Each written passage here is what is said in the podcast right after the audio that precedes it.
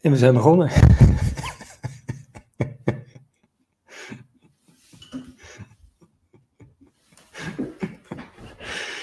Oh, oh. Oh, oh. Hi, hi, hi, hi. Hallo Niels Lunzing. Dag, Marlijn van Dobben. Ach, het is alweer, je hebt hem alweer neergedrukt. Ja, het is vijf voor. Ja, ja, ja. Te wachten. Er zitten allemaal mensen te wachten van uh, wanneer komen ze, wanneer komen ze. Dan, uh... Ja, nee, dat is waar, dat is waar. Nee, we zijn er weer. Dus, uh, dan, zie, dan nou. zien ze twee lege stoelen. Maar goed, dan zijn we er, dan zijn we er wel officieel. Dus, Officieel.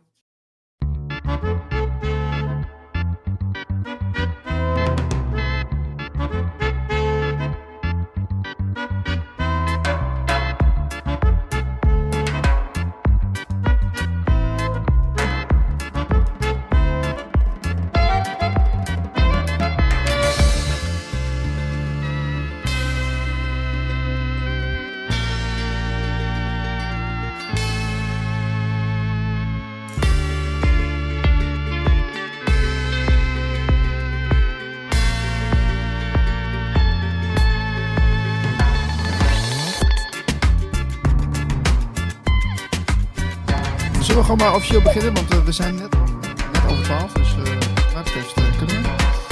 Nou, iedereen welkom bij Radio Gletscher. We zijn begonnen. nummer 76 alweer. Jij had het keurig bij, hè Marlijn? de, de, ja, de, de, de getalletjes achter onze mooie titel. 76, jongen, jongen. Ja, we zijn bijna bij de 100. Ja. Ja, dan moeten we eigenlijk nog die ene erbij uh, vermelden die nog binnenkort komt, hè, onze live event. Dus ik probeer daar binnenkort uh, tijd voor te maken om die video te maken, zodat mensen daar ook nog even naar kunnen kijken. In uh, Bunnik. heb je daar iets van gehoord trouwens, Olaf, dat we in Bunnik waren laatst? Nee, nee, ik ben heel benieuwd. Wat hebben jullie gedaan? Ja, we hebben een, een live meet meeting event gedaan met, met, met publiek erbij. En uh, nou, dat was wel heel gezellig. Uh, ik had ook een speciale vlag uh, gekocht. En wij gingen daar speciaal zitten met onze cameraatjes en met onze setup. En dat was een heel leuk gesprek over de geef-economie. Hmm. En later ook nog over silica water. En over ja, symboliek heb ik het nog even over gehad, volgens mij. Bulgarije. Dus, Bulgarije, ja, ja. Dus wij hebben Radio Gletscher praten we overal over. Hè? Alles wat, wat, wat toch een beetje wordt vergeten, wat misschien een beetje in een moeilijk hoekje zit, dat halen wij graag naar voren. Dus, uh, nou ja. Ik heb, ik heb er wel affiniteit mee. Kijk, ik heb zelf, uh, als je het over symboliek hebt, uh, ben ik een tijd geleden Ramaya begonnen. Ramaya om heilige geometrie sieraden te maken en te verkopen. Um, dus ik heb ook zeker affiniteit met dat soort werelden. Uh, en uh, aparte, aparte uh, geschiedenistheorieën. Voor mij is de Bok-saga, die heb ik volgens mij bij jullie nog niet voorbij zien komen. Misschien weten jullie er nog niet eens van. Maar de BOCK-saga, dat vind ik heel fascinerend. Um, maar op dit moment is mijn focus vooral op, op Stichting Vrij bij Mij en alle initiatieven die we daarin ontplooien. Om echt ja, handvaten te geven voor, voor een nieuwe wereld. Waar kom jij hier vandaan, uh, Olaf? Uit, uit, welke hoek? Ik woon nu in Den Haag en ik ben geboren in Amsterdam. Ik heb in Delft gestudeerd op de TU en zo ben ik in dit zuidelijke deel van Nederland uh, beland. Ja. Oké, okay. ja, de, de, de boxsaga, daar wil ik wel eens wat meer over weten. Kunnen we straks nog even over hebben. Ja. Uh, maar ik wil even naar de keuzevrij bij mij. Dat is, uh, als ik het goed heb, is dat ook ontstaan hè, in die, die, uh, die coronatijd eigenlijk, in 2020. Ja. Um, wat, uh, kun, kun, je ons even meenemen voor de mensen die dat nog niet weten, uh, wat het voor platform is? Ja, ik zal een heel korte geschiedenis vertellen. Het begon allemaal met Ademvrij bij mij. Hè, dus in 2020, het lijkt al heel lang geleden, um, wilde ik echt met een oplossing komen voor het probleem wat er toen heerste. En dat was toen de mondkapjes nog een advies waren. En toen heb ik met mijn eigen competenties heb ik een website kunnen maken, een WordPress website uh, met een bepaalde plugin waardoor je als bedrijf jezelf toonbaar kon maken en kon zeggen: hè, bij mij uh, mag iedereen vrij ademen. Dus het heette ook niet mondkapjesvrij, maar het heette ademvrij, omdat ik wilde de focus leggen op wat we wel willen.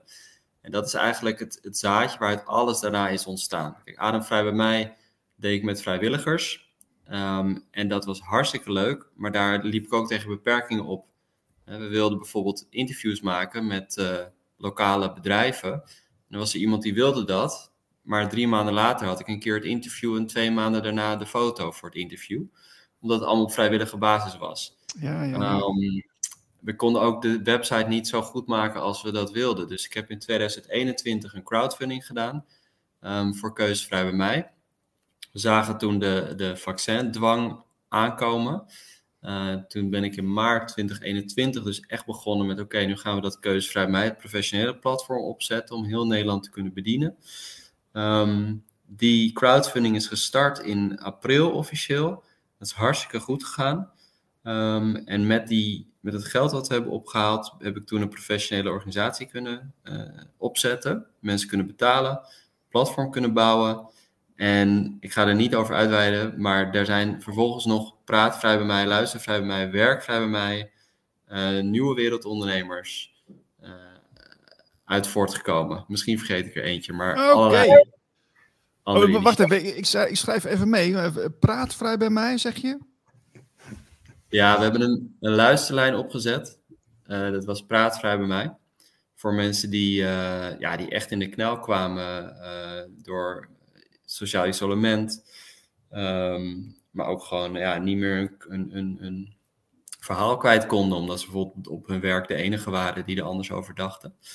Um, dus we hebben echt een, met 500, we hadden 500 aanmeldingen van coaches en therapeuten die vrijwillig uh, mensen te woord wilden staan. Uiteindelijk zijn we met 100 uh, begonnen.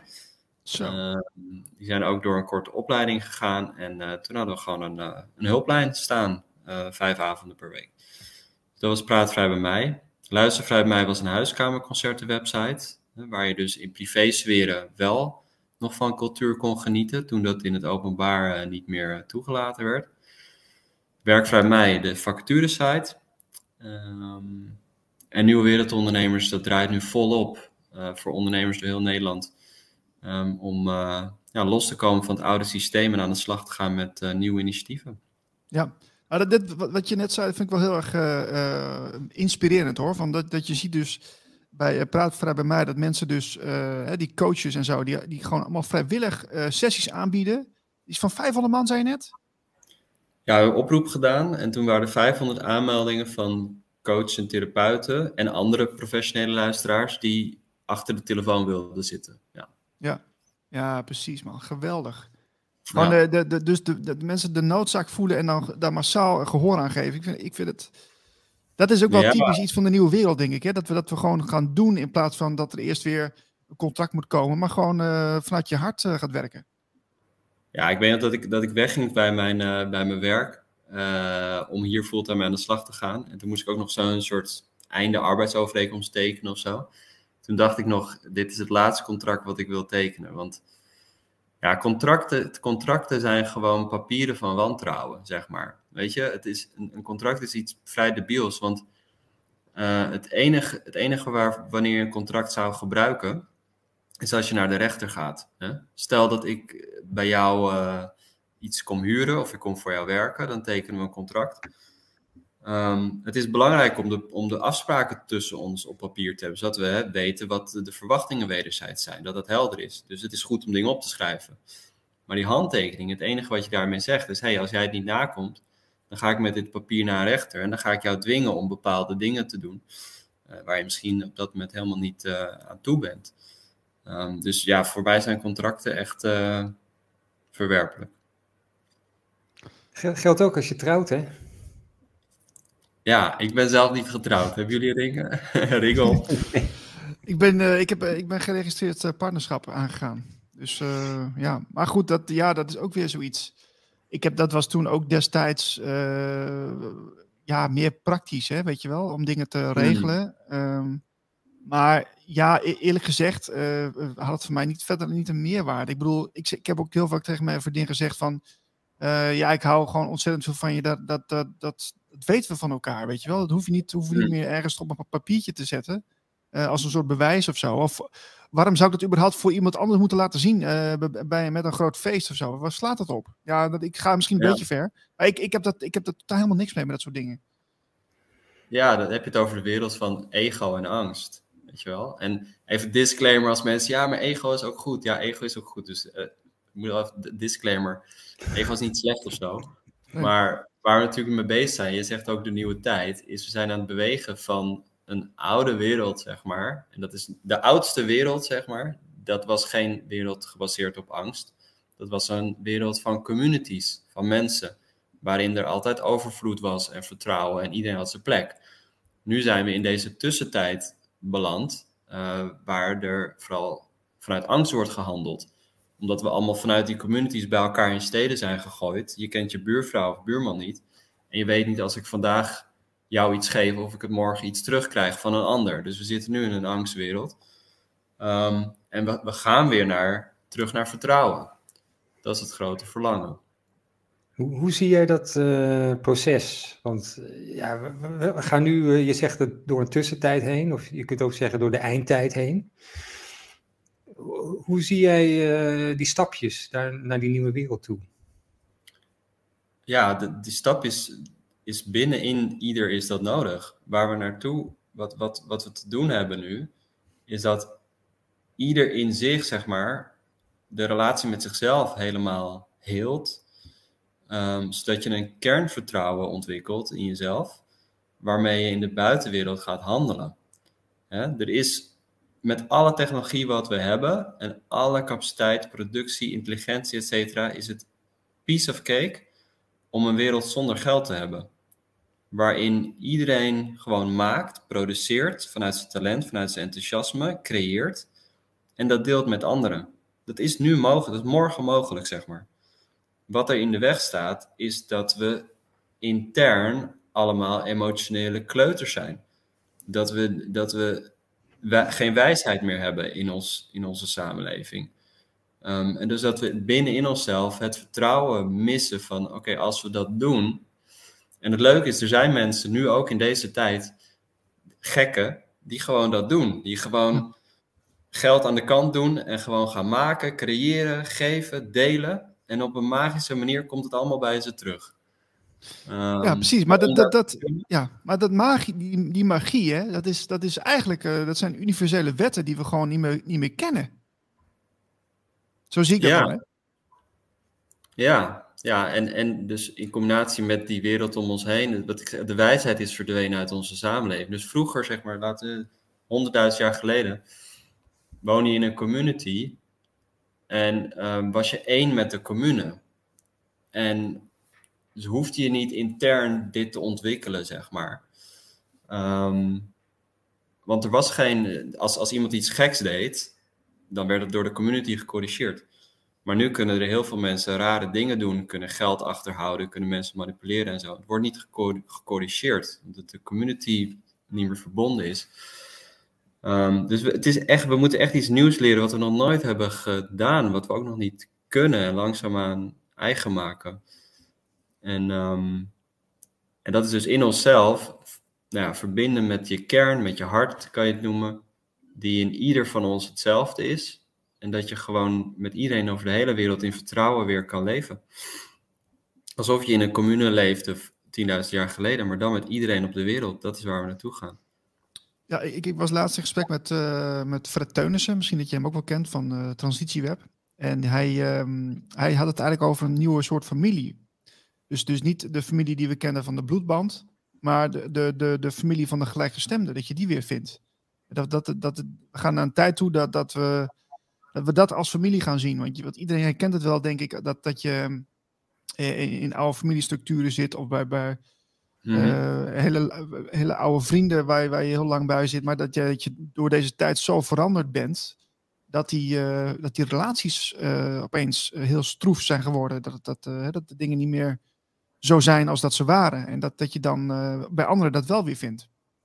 Ja, ja, kijk, als je, als je natuurlijk echt helemaal tot jezelf komt en realiseert dat, dat wat, jij, wat jij bent in essentie, en dus ook wat de ander is in essentie, je zou het kunnen noemen ziel of liefde, et cetera.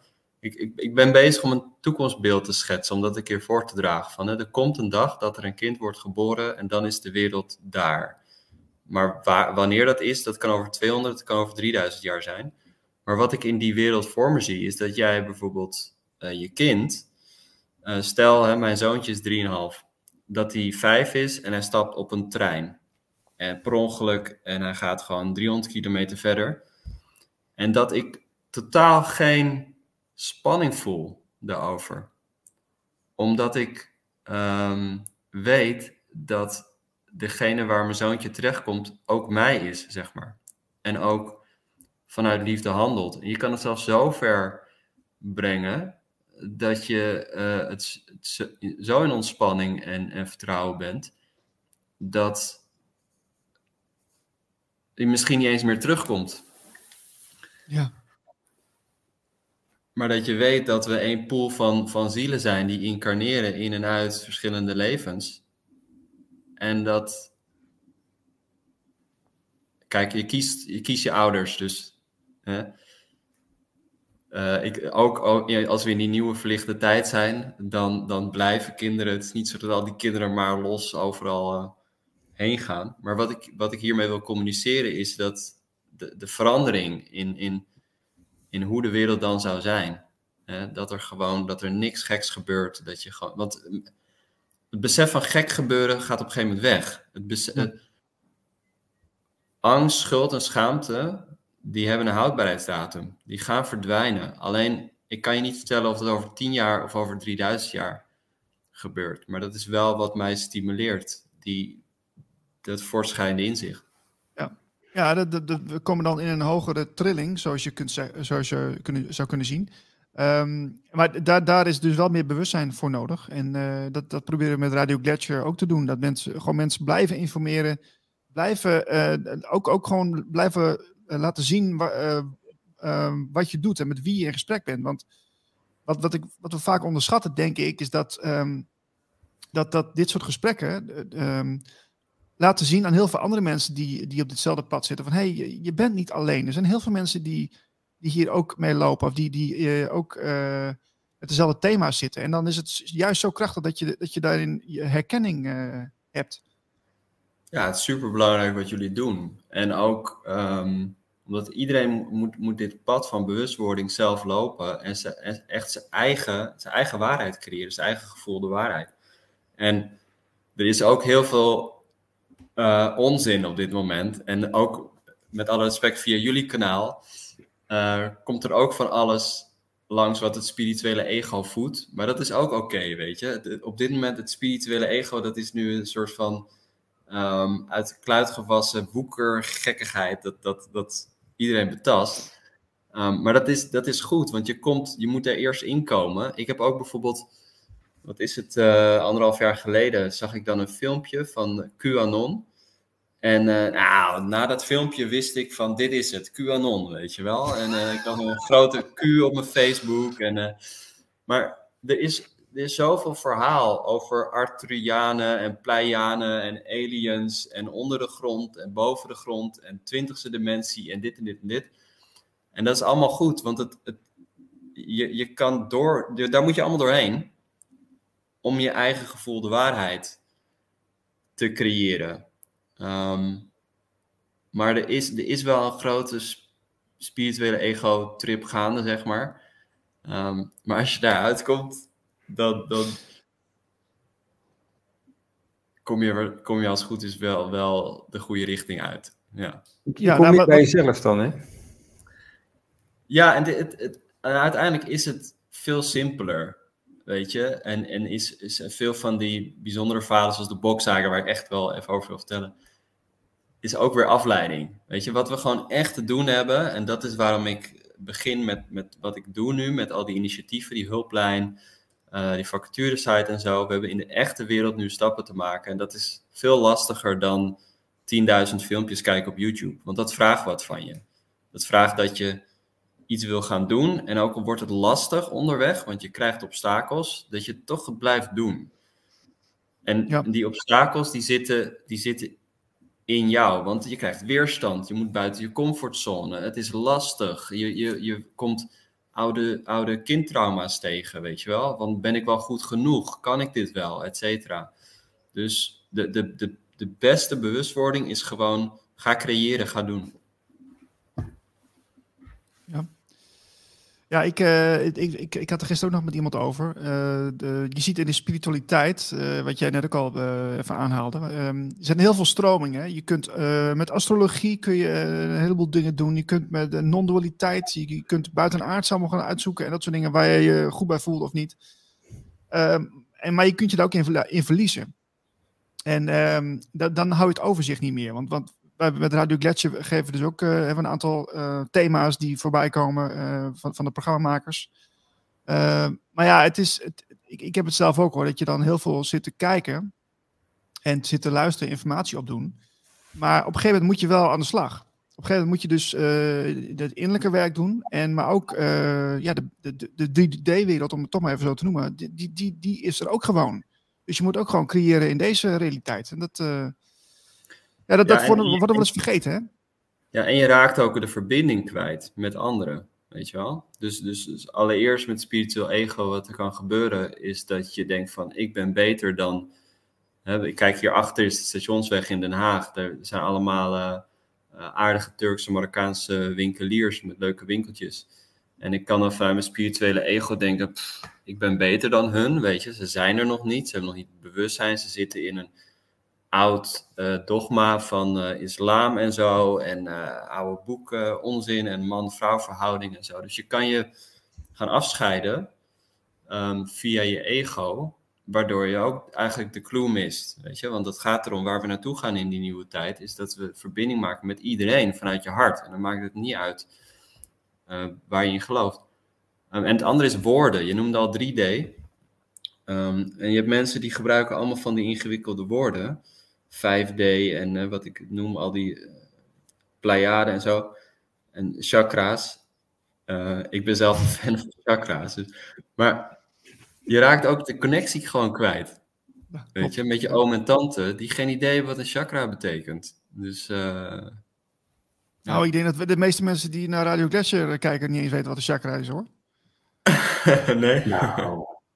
Nou ja, maar, nou, Merlijn, oké, gaan we eventjes uh, beginnen. Merlijn, wat is een chakra? Een chakra, nou je hebt er... Uh, ja, dat is, dat, dan begint het al.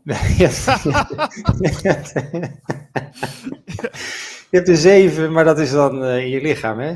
Dat zijn de zeven energiecentra. En die, die staan ergens voor. Daar zitten, er zitten allemaal eigenschappen die, die, die zijn eraan gelinkt die kun je met elkaar verbinden en dan stroomt het. En dan heb je ook nog boven je heb je ook nog een aantal chakra's uh, zitten, waar je ook mee kan connecten. Ja, ik, ik, uh, ik weet dat dit een vaag praatje is, maar als je daar uh, niks van af weet. Maar, nou, je, je komt er goed bij weg zo hoor, vind ik. Oké. Okay. Ja. Maar goed, nee, maar wat, wat je zegt, dat klopt. Het is, dit, dit, is ook zoveel aanbod, hè? dus dat, dat is ook wat het voor... Kijk, ik ben eigenlijk heel blij dat ik, eh, dat, dat ja, noem het maar even wakker worden of zo. Hè? Dat is voor mij al iets eerder gebeurd. Dus uh, dat, uh, dat vind ik eigenlijk wel heel prettig. Want als ik in deze tijd, zeg maar, al die nieuwe informatie zou moeten uh, opslurpen. en dan ook nog eens een keer dat innerlijke proces moest doorgaan. Nou, ik weet niet of ik dat wel zou trekken trouwens hoor. Oeh. ja, en het klopt ook. Alles moet er zijn, weet je wel. Dit is allemaal. Het is zo'n bizarre bende op dit moment. Uh, op het gebied van spiritualiteit, informatie, politiek, uh, weet ik veel wat. Um, en dat hoort dus allemaal. We moeten dus in die totale wanorde zijn um, om naar een volgende periode te, te, te gaan. Ja. ja. Omdat, dat komt nu, omdat we hebben het dus in onszelf te zoeken. Dat is de, een van de belangrijkste dingen die we nu te doen hebben. Weet je wel? Ik heb, ik heb het ook nooit over politiek en, en recht. Want uh, dat is allemaal buiten jezelf, oplossingen buiten jezelf zoeken. Um, en, en, alles in deze tijd is erop gericht om, om die oplossingen buiten jezelf, um, hoe noem je dat? Uh, om, je, om je vertrouwen daarmee kapot te maken. Want het, je gaat het niet buiten jezelf vinden. Het is echt, de enige weg is naar binnen uh, jij bent het antwoord. Zo ben ik begonnen met aan vrij bij mij. Ik merkte dat ik buiten mezelf antwoorden aan het zoeken was. Dus ik zei tegen mezelf: nee, ik ben het antwoord. Ik heb het antwoord. Ik weet wat ik moet doen. En toen ging ik die site Adem vrij bij mij maken. Um, dus dat is, dat is echt wat we allemaal te doen hebben: in beweging komen. Ja, dat keuzevrij bij mij, dat is natuurlijk wel. Je hebt het niet over politiek, maar dat is wel een soort reactie op de politiek. Want die is zo invasief bezig, dat je, dat je toch, ja, moet je er toch uh, toe, verhouden op een of andere manier.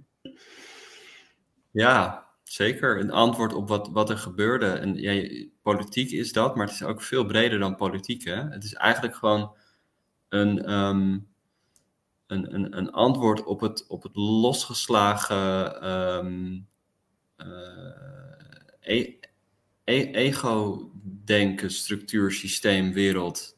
Uh, uh, onvolwassen mannelijke wereld. Ja, dus dat is politiek, maar is veel breder natuurlijk. je, het, het, zou ook kunnen dat dit vanuit de, de winstdrang van de, vanuit de farmacie is gekomen. Dat, die, dat die hebben bedacht, eh, jongens, we moeten uh, meer geld verdienen. Hoe kunnen we dat het beste doen? Nou, door een middel te verkopen, wat, um, waar je, uh, hoe krijgen we zo groot mogelijk marktaandeel en zo weinig mogelijk risico? Nou, dat is door mensen te laten geloven dat er een verschrikkelijke ziekte is, die alleen maar opgelost kan worden door één middel en die wettig, zeg maar, waar alle risico's uh, zijn, uh, zijn afgedekt. dus dan is het niet de politiek, maar dan is de bron de farmacie. Maar waar komt dat dan vandaan? Ja, dat is eh, omdat ze geld moeten verdienen. Oké, waar komt dat dan vandaan? Dan kom je bij de kern waar volgens mij de kern ligt, is dat um, mensen meer geld nodig hebben om te kunnen voelen. Dus zeg maar even de ultra-rijken zijn naar mijn idee ook de, de ultra-getraumatiseerden. Ik, ik, ik, je ziet zo voor je. Zie, zie een driehoekvorm voor je. Dit zijn alle mensen zitten in die driehoek. Die gaan naar boven. Dat bewustzijn verhoogt. Er is een soort glazen plafond. Die zit hier bij die rand, waar mijn scherm eindigt. boven die, die rand is het licht. Ja? Net als een kind dat gebaard wordt. Dat al, een stukje komt er al uit. Maar onderin die piramide hier, daar zitten, daar zitten grootste trauma en pijn. Daar zitten de echte nare dingen. Hè? Verkrachtingen, langjarige misbruik, al die shit, weet je wel, waar allemaal lagen omheen zijn gecreëerd. Je hebt al die Epstein-verhalen en zo, weet je wel. Die daders, die zijn altijd ook zelf slachtoffer. Die komen uit hele zieke, zieke, zieke jeugden. Um, dus als, als die hele mensheid verlicht wordt, die gaat naar boven, die gaat door dat plafond heen. Jij zit hieronder. En je ziet dat licht aankomen en je denkt, oh nee, shit. Want wat dat licht betekent, is dat jij al je donkerte aan moet gaan. Al dat donkerte wil gezien worden, wil aan het licht gebracht worden. Nou, jij, ik, wij hier met z'n drieën vermijden al pijn. Weet je wel, kijken een Netflix-video uh, als we eigenlijk die dag ons kloten voelen en gespannen en eigenlijk rust nodig hebben en, en liefde naar, die, naar dat geraakte deel in ons. Wat denk je als je van die verschrikkelijke trauma's hebt? En jaren, jarenlang dat hebt kunnen vermijden, die pijn. Door heel rijk te worden, door andere invloed uit te oefenen, macht, uh, misbruik, et cetera, et cetera, om maar niet te voelen. En dat licht komt eraan, daar ga je. Nou, dan ga je om je heen slaan. En dan ga je jezelf verdedigen door nog meer geld te creëren. Dat is wat er in de essentie gebeurt op dit moment, naar mijn idee. Wat is dat voor tatoeage op je hand? Keuze. Ja, het is zo. Dus je komt hier. Oh, het is een uh, tweesprong. Ja, het is een tweesprong, ja. ja. ja. Wanneer heb je die laten zetten dan? In 2020? Uh, 2019, rond de geboorte van Oh. mijn zoon. Oh, oké. Ja. Ja. Ja, ja, ja. Dus het is heel, eh, ja, het is heel belangrijk voor me. Het is niet voor niets dat je daar een tattoo zet natuurlijk. Nee, precies. Dus om, om mezelf te herinneren dat ik altijd de keuze heb hoe ik met de buitenwereld omga.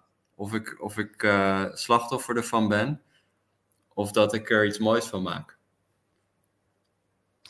Ja, nou ja, dit, zou, dit zou eigenlijk gewoon iets. eh, ja, ik heb dat ook, eigenlijk elke ochtend dat ik dat, eh, dat ik met mezelf gewoon even afstem en, en een beetje de dag doorneem van wat, wat ik ermee wil. En dat, dat je even doorvoelt van de energie die er is. Of misschien als de energie er niet is, dan weet je dat ook. Dan is dat ook een teken. Maar eh, ja, we, we zijn, eh, dat, dat, dat zou, zou een mooi iets kunnen zijn voor mensen, denk ik, om, om dat te proberen om die verbinding eh, ja, toch dagelijks een beetje te laten doorstromen. Ik wil niet zeggen dat mensen dat moeten doen, hè. Moet- iedereen moet het zelf weten. Maar heb, je, heb jij ook zelf, heb je zelf ook een dagelijks ritueeltje of zo? Of, of? Mm, ja, in de ochtend doe ik altijd yoga en ademhalingsoefeningen. Um, ik douche koud, zoveel mogelijk. en um, ademhaling is heel belangrijk voor mij. Ik heb ben er nu mee bezig. Ik ben een ademcoachopleiding aan het volgen. Ik dacht er net aan, want ik heb net een heel stuk verteld met heel veel energie. Dus ik merkte dat ik oh, oh, heel hoog kom. Ja. Ik, oh ja, weer terug. Vier seconden in, zes seconden uit. Om weer in die rust te komen en, uh, bij mezelf. Ja. ja. Maar is het een soort Wim Hof dan uh, ademtraining of, of is het iets anders? Nee, dit is een ademcoachopleiding van Lars Faber, de breathwork coach. En dan leer je dus hoe je mensen, um, uh, hoe je mensen kan begeleiden, sessies kan geven, met als, als doel om um, oud, oud trauma zeg maar, op te lossen, om, om onafgemaakte bewegingen af te maken.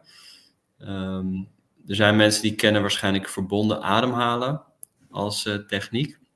Dus wat je bij verbonden ademhalen doet, is dat je een tijd lang, bijvoorbeeld drie kwartier lang, uh, diep inademt naar je buik en de uitadem laat vallen, zeg maar. Dus je eigenlijk overlaat je systeem met, uh, met zuurstof. En dan krijg je allemaal krampen, je handen gaan raar staan en uh, je, je kan extase ervaren. Voor sommige mensen is het nog intenser dan een ayahuasca-ervaring. Um, maar de, de, de clue is dat je in je, in je lijf allerlei blokkades gaat uh, oplossen. Dus dat is de verbonden ademhaling. Je kan ook holotropisch ademen. Dat is uh, hoog in je borst. Uh, maar volgens mij mag je die naam niet gebruiken, maar snel ademen. Uh, om, om oud boosheid bijvoorbeeld los te maken en te uiten. En wat we in de ademcoachopleiding leren, is dat je verschillende ademhalingstechnieken kan gebruiken om je, ja, je cliënt te helpen om, om trauma te verwerken, om oude stukken los te laten. Ja. Mooi. De nieuwe wereldondernemers, daar wil ik even naartoe. Uh, want er, er, zijn ook van die bijeenkomsten hè, die jullie organiseren. Ja, ja. Uh, wat, wel, wat ik daar heel goed aan vind, is dat je dus mensen samenbrengt. Maar ik ben heel benieuwd wat, wat, um, ja, wat, wat daar zo bijzonder aan is. Want ja, natuurlijk de nieuwe wereldondernemer, ik snap wel wat, waar het over gaat. Maar wat maakt dat dan de nieuwe wereldondernemers? Wat, wat, wat, wat, wat is het verschil met normale ondernemers? Ja, nou, de, de, de, kracht van Keusvrij Mij is dat we eigenlijk vanaf het begin af aan mensen bij elkaar hebben gebracht. Dus we hadden die crowdfunding gedaan en door die crowdfunding konden we een grote tour financieren, de verbindingstour. Dus zijn we door heel Nederland gegaan um, om ondernemers uit te nodigen om bij bijeenkomsten te komen en te netwerken. Uh, met als doel om ze op het platform te krijgen, zodat de mensen die ons sponsoren nieuwe winkels kunnen vinden op het platform. Nou, uit die verbindingstour is van alles ontstaan. Er zijn scholen opgezet, er zijn allerlei samenwerkingen uit ontstaan. Dat was echt geweldig. Um, we zijn vorig jaar, begin vorig jaar, um, zijn we nieuwe wereldondernemers begonnen. Allereerst gewoon om een, uh, een netwerkmogelijkheid te geven voor ondernemers, uh, gelijkgestemde ondernemers, om, om andere ondernemers te ontmoeten. Um, omdat er zijn van die netwerkclubs, BNI heeft zo'n netwerkclub volgens mij. Maar daar, ja, dan kom je daar en dan zit je daar met twintig man. En dan, dan weet je, je weet niet de achtergrond van mensen. Dus je voelt je niet helemaal thuis. Je voelt je niet helemaal op je gemak om je helemaal uit te spreken. En je let op je woorden. En, eh, dus het was in de eerste instantie bedoeld puur als netwerk voor gelijkgestemde ondernemers, bewuste ondernemers, wakkere ondernemers kan je het noemen. Zo noemden we het ook in het begin. Um, maar ook, dat was mijn doel ook ermee, dat we, als er weer iets geks gebeurt, zoals in de corona-periode, dat je een club ondernemers, genoeg ondernemers bij elkaar hebt, die uh, samen kunnen besluiten om actie te ondernemen. Bijvoorbeeld je deur open houden, zodat je niet alleen staat. Want uh, ik had een interview met Floris Beukers van Waku Waku, die zei, ja, ik dacht dat er allemaal mensen, andere restaurants en zo ook open gingen blijven. Maar ik, toen puntje bij paaltje kwam, was ik de enige. Ja, dat was ook echt. Dat was zo schrijnend. Oh man. Ja.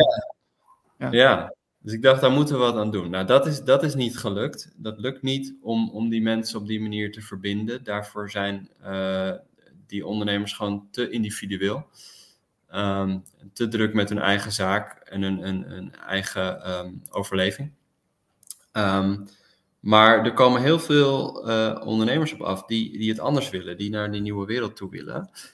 Ehm, en wij zijn daar handen en voeten aan gaan geven door sprekers uh, uit te nodigen voor die bijeenkomsten, die met oplossingen komen.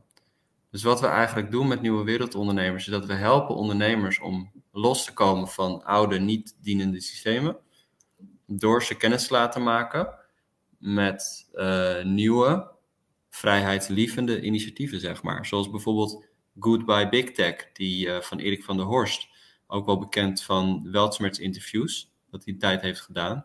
Die laptops en telefoons, dit is een Big Tech vrije telefoon. Ik praat met jullie nu via een Linux laptop, uh, Big Tech vrij. Die komt praten, maar ook bijvoorbeeld de ondernemende school. Um, ook bijvoorbeeld uh, de Florijn, uh, bartering.nl. Dus allerlei initiatieven om mensen te inspireren. En nu moeten we door naar de volgende stap en dat is ook echt aan de slag ermee. Dus daarvoor zijn we nu, um, en niet alleen voor ondernemers, maar breed uit. Dus dit is een primeurtje. Zijn we nu uh, events aan het organiseren waarbij we mensen niet alleen maar inlichten over bijvoorbeeld nieuwe betaalmethoden, maar ook echt workshops gaan geven, aan de hand gaan nemen om ermee aan de slag te gaan. Ah, tof zeg. Ja. ja. ja. ja want, want in, uh, wat, wat is de rol van uh, nieuwe technologie in, in die transitie? Uh, hoe kijk je daarnaar? Zoals? Nou ja, de, de nieuw betaalsysteem bijvoorbeeld, maar ook ja, ja, big tech vrij zeg jij. Dus dan moet, is er ja. nieuwe software nodig. Ja, dat, is leuk. Er kunnen twee dingen komen op. Zeg maar crypto, AI en, uh, en open source. Um, kijk, ik denk sowieso dat nieuwe technologie, weet je voor mij uh, hebben we alle technologie die we nodig hebben, zeg maar. Dus heel veel nieuwe technologie is gewoon ma matrix stimulerende shit, weet je. Uh, 5G en zo is helemaal niet nodig. Het internet doet het prima met 4G. Uh, AI, dat is ook totaal niet nodig. Weet je, al die, die dingen, dat is allemaal om die, dat, dat creëert die matrix. En mensen gaan er helemaal in mee nu. Dus dat, dat chat GPT of zo is dan opeens ja. populair. En dan knalt overal filmpjes en zo, weet je wel. Um, en dat is blijkbaar ook een beweging die de wereld wil maken. Hè? Om, die, om, die, om die matrix te creëren. En dan gaan echt mensen die metaverse die, die worden geboren en, en vanaf geboorte ja, zijn ze symbiotisch met technologie en, en zijn, ben je ze daarin kwijt, zeg maar. Dat, dat wil blijkbaar geleefd worden. Maar voor mij is, is technologie moet gewoon dienstbaar zijn aan, aan het vervullen van behoeftes. En, um, en dat is het fijne wat we nu doen hier. Dit is hartstikke handig, weet je, hartstikke fijn dat we, dat we dit gesprek kunnen hebben, dat heel veel mensen kunnen meekijken. Um, ik ben zelf geen voorstander van contant geld bijvoorbeeld. Ik, vind, ik ben een industrieel ontwerper van de achtergrond. Ik vind het heerlijk om gewoon met een bankpas te kunnen afrekenen. Of hoe simpeler, hoe beter. Weet je wel? Heel fijn. Totdat we op een gegeven moment geen geld meer nodig hebben. Daar moeten we natuurlijk echt naartoe. Um, en over Big Tech vrij, dan is er een hele wereld te ontdekken in het open source. En dat is echt heel erg leuk. Dat um, er ontzettend veel mensen, jongens, meisjes, vooral jongens, maar ook natuurlijk meisjes, mannen, vrouwen, bezig zijn met programmeren in hun vrije tijd.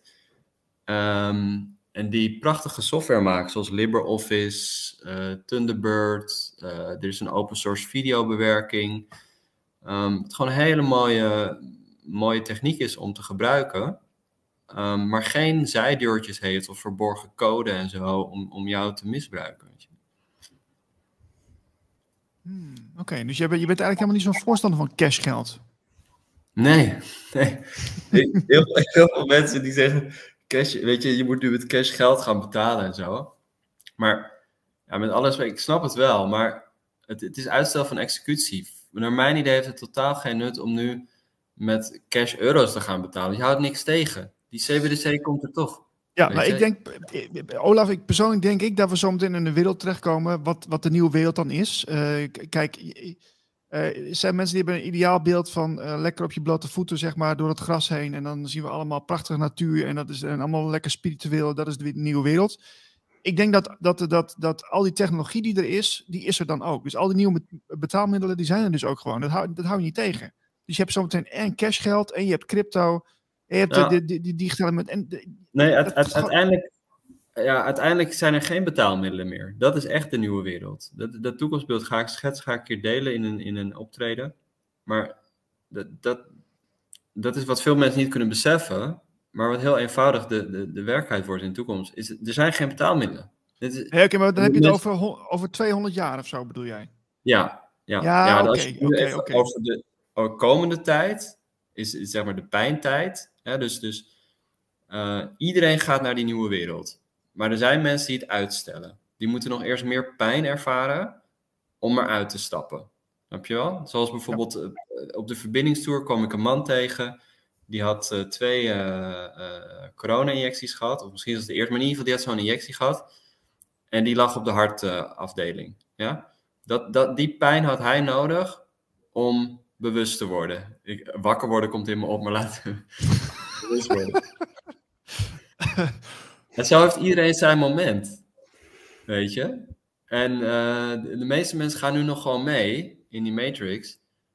Maar uh, vroeg of laat, misschien moet je helemaal diep in die metaverse en dat je op een gegeven moment ergens een soort ding krijgt van, oh ja, ik, ik, ben een mens, ik ben een eeuwigdurende ziel. Het is, er is, de, de, wereld is veel mooier hier in het moment met een lief heersbeestje op mijn vinger dan in die multidrug, crazy, chipto, gekto, crypto, webto wereld. Weet je? Maar uiteindelijk gaan we er doorheen en dan komen we in de echte nieuwe tijd. En dat is rust, ontspanning. Je komt iemand tegen op straat. Je bent gebiologeerd. Je zit vier uur lang met diegene te, te communiceren. Of je dat via telepathie doet of wat dan ook. Lang?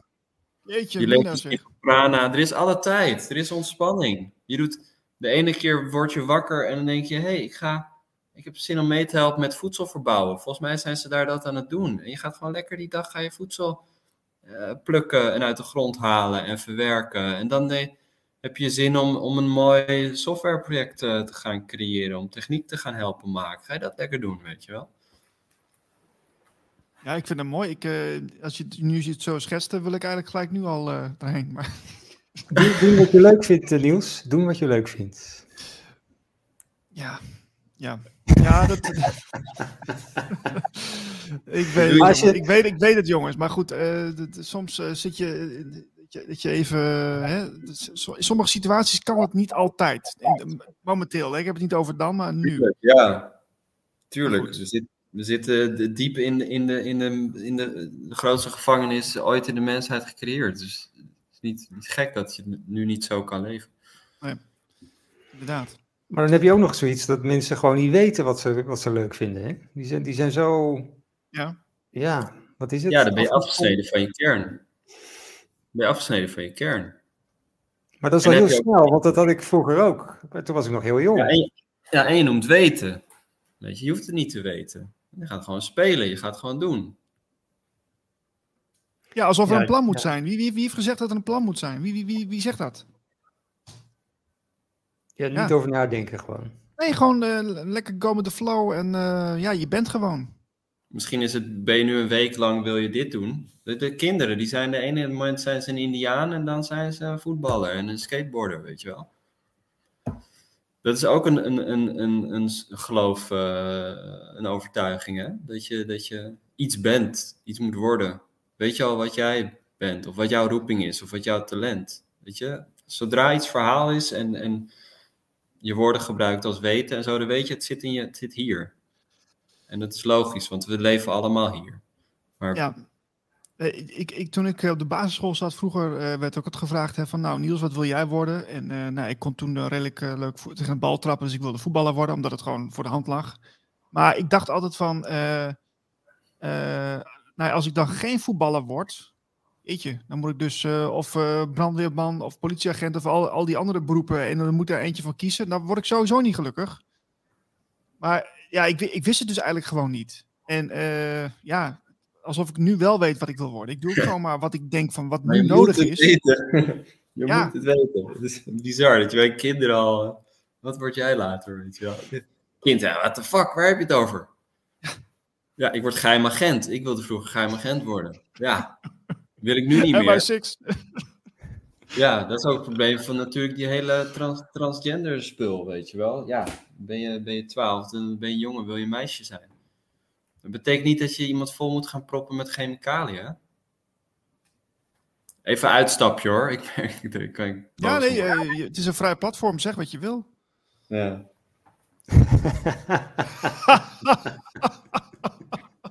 Toch maar niet. Toch maar niet.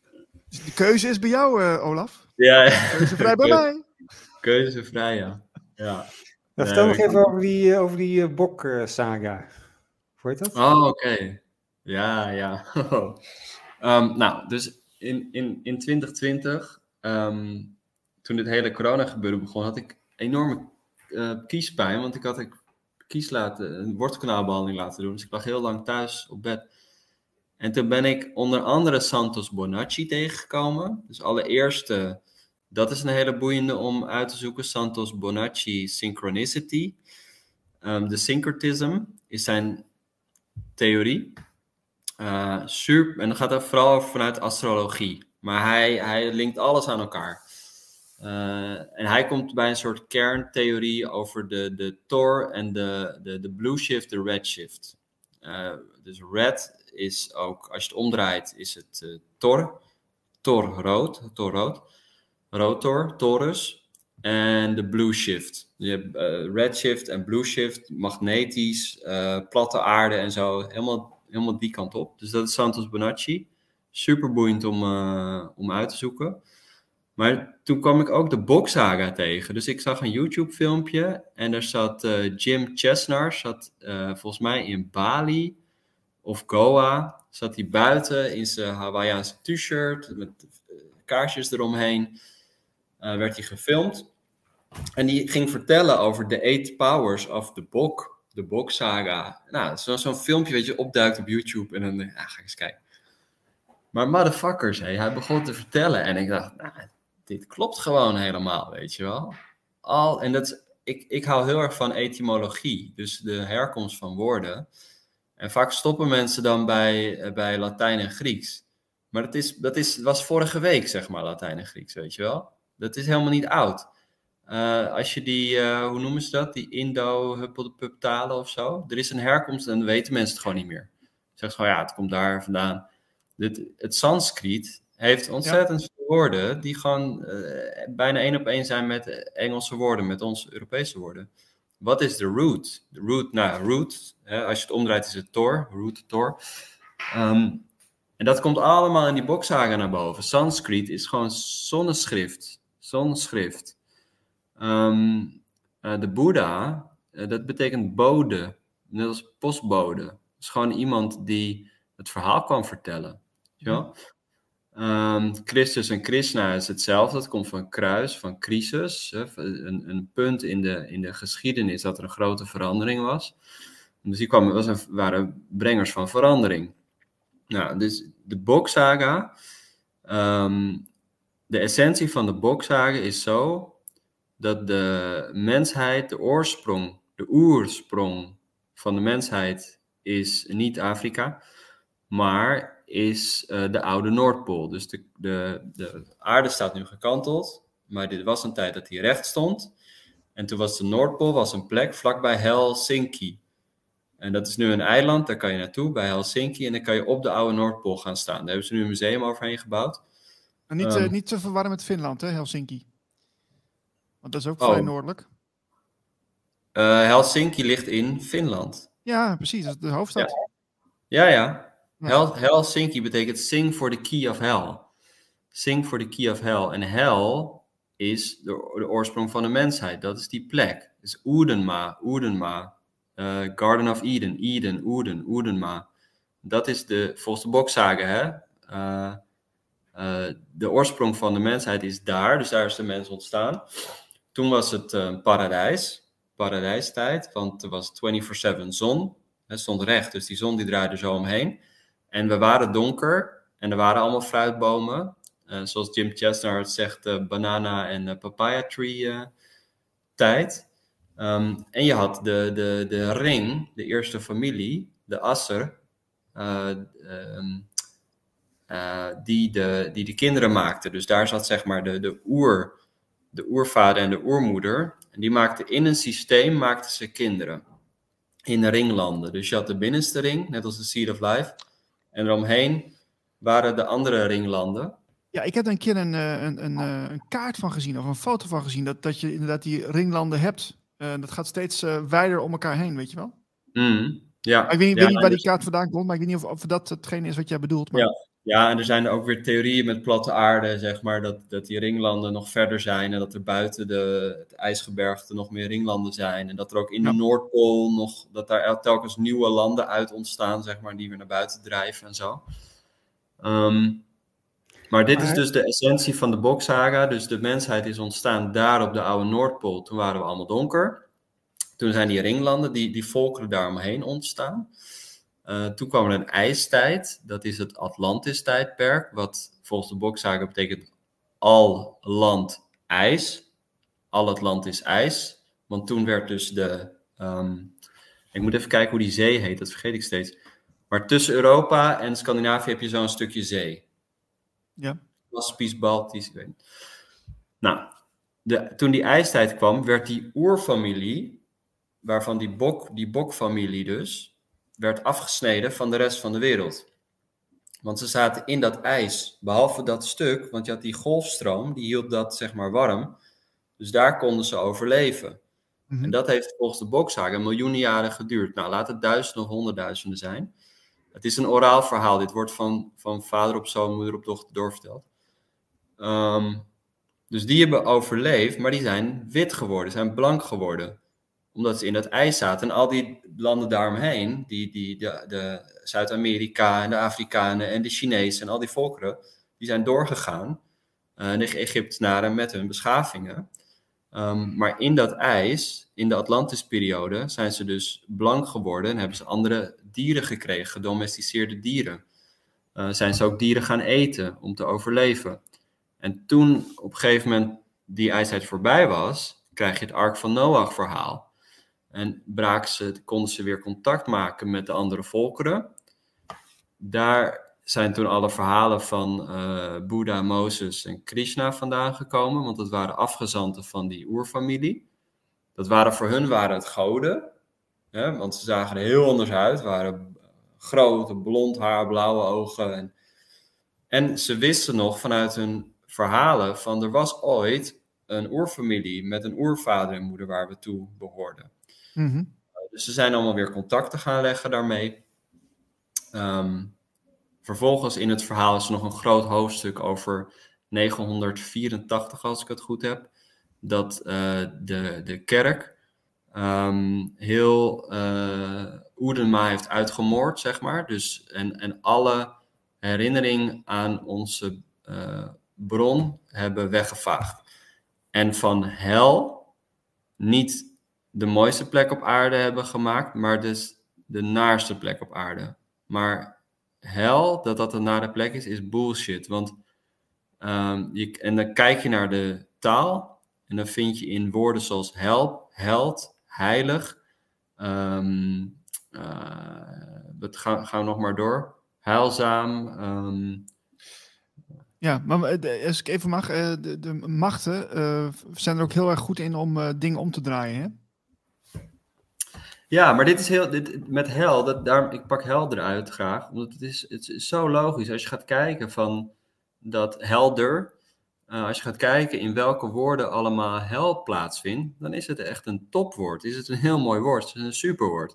Maar wij denken dat het de, de slechtste plek op aarde is. Um, en dus de, de kerk heeft toen, zeg maar, dat uh, die, die herinnering aan de oerfamilie hebben ze gebroken door deze uh, bullshit verhalen.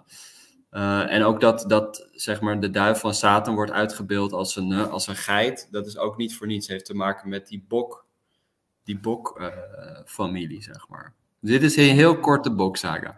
Jeetje, oké. Okay. Uh, dit is een van de vele verhalen die je daaraan toe kan. Uh, ja, nou goed, aan, aan de ontstaansverhalen dan, hè? Ja, ah, ja interessant ja. hoor. Ja, dat, dat vind ik dus wel, wel altijd moeilijk om, te, om dat te plaatsen, weet je wel. Want er zijn zoveel verhalen. Uh, de Bijbel vertelt een verhaal, de Boksaga. Nou, er zijn nog zoveel andere. En hoe, hoe, die, hoe die dan te verenigen, kan dat? Of zijn het, zijn het Ja. andere werelden geweest? Zeg het maar. Ja, uiteindelijk maakt het dus helemaal niet uit. Weet je, het is net als een foto's van vroeger die je die, uh, bewaart. Uh, maar als per ongeluk je harde schijf is gewist, ja, ga je ook verder. Weet je, uiteindelijk moet het ook allemaal niet uitmaken. Want het, het creëert allemaal weer dogma's en geloofstructuren. En, dus um, ja, maakt niet uit. Nee, de keuze vrij bij mij. Zo is het. Ja, ja, ja. Uh, wat, wat, uh, wat, wat, wat staat er binnenkort op de planning bij de Nieuwe Wereldondernemers? Waar, waar zijn jullie te zien? Oh ja, als je naar nieuwewereldondernemers.nl gaat, dan uh, zie je allerlei bijeenkomsten. Ik, ik hou dat zelf niet bij, want dit wordt door anderen bij ons georganiseerd. Um, maar door heel Nederland, van Groningen tot Alkmaar, Limburg, Noord-Holland, Zuid-Holland, Breda, Almere, uh, echt op allerlei plekken met hele gave, gave mensen. En wat mensen het beste kunnen doen om, om al onze activiteiten te volgen, is op keuzevrijmij.nl naar beneden te gaan en je inschrijven voor de nieuwsbrief. Want we versturen elke week een, een nieuwsbrief. En om de week, zeg maar. Dus de ene week nieuwsbrief naar iedereen, de andere week naar alleen maar ondernemers. Uh, de ondernemersnieuwsbrief die krijg je op nieuwewereldondernemers.nl. Maar schrijf je vooral in op keuzevrijmij.nl in de nieuwsbrief. Dan zie je alles voorbij komen. Want zoals ik zei, gaan we ook hele gave dingen nu organiseren, events. Voor iedereen, niet alleen voor ondernemers. Uh, maar echt breed uit door het hele land. Waarbij je fysiek bij elkaar kan komen met z'n allen. Om aan de slag te gaan met nieuwe initiatieven op het gebied van geld, technologie, onderwijs uh, en later, uh, we moeten het stap voor stap doen, ook energie, wonen, um, al die belangrijke thema's. Dus um, ja.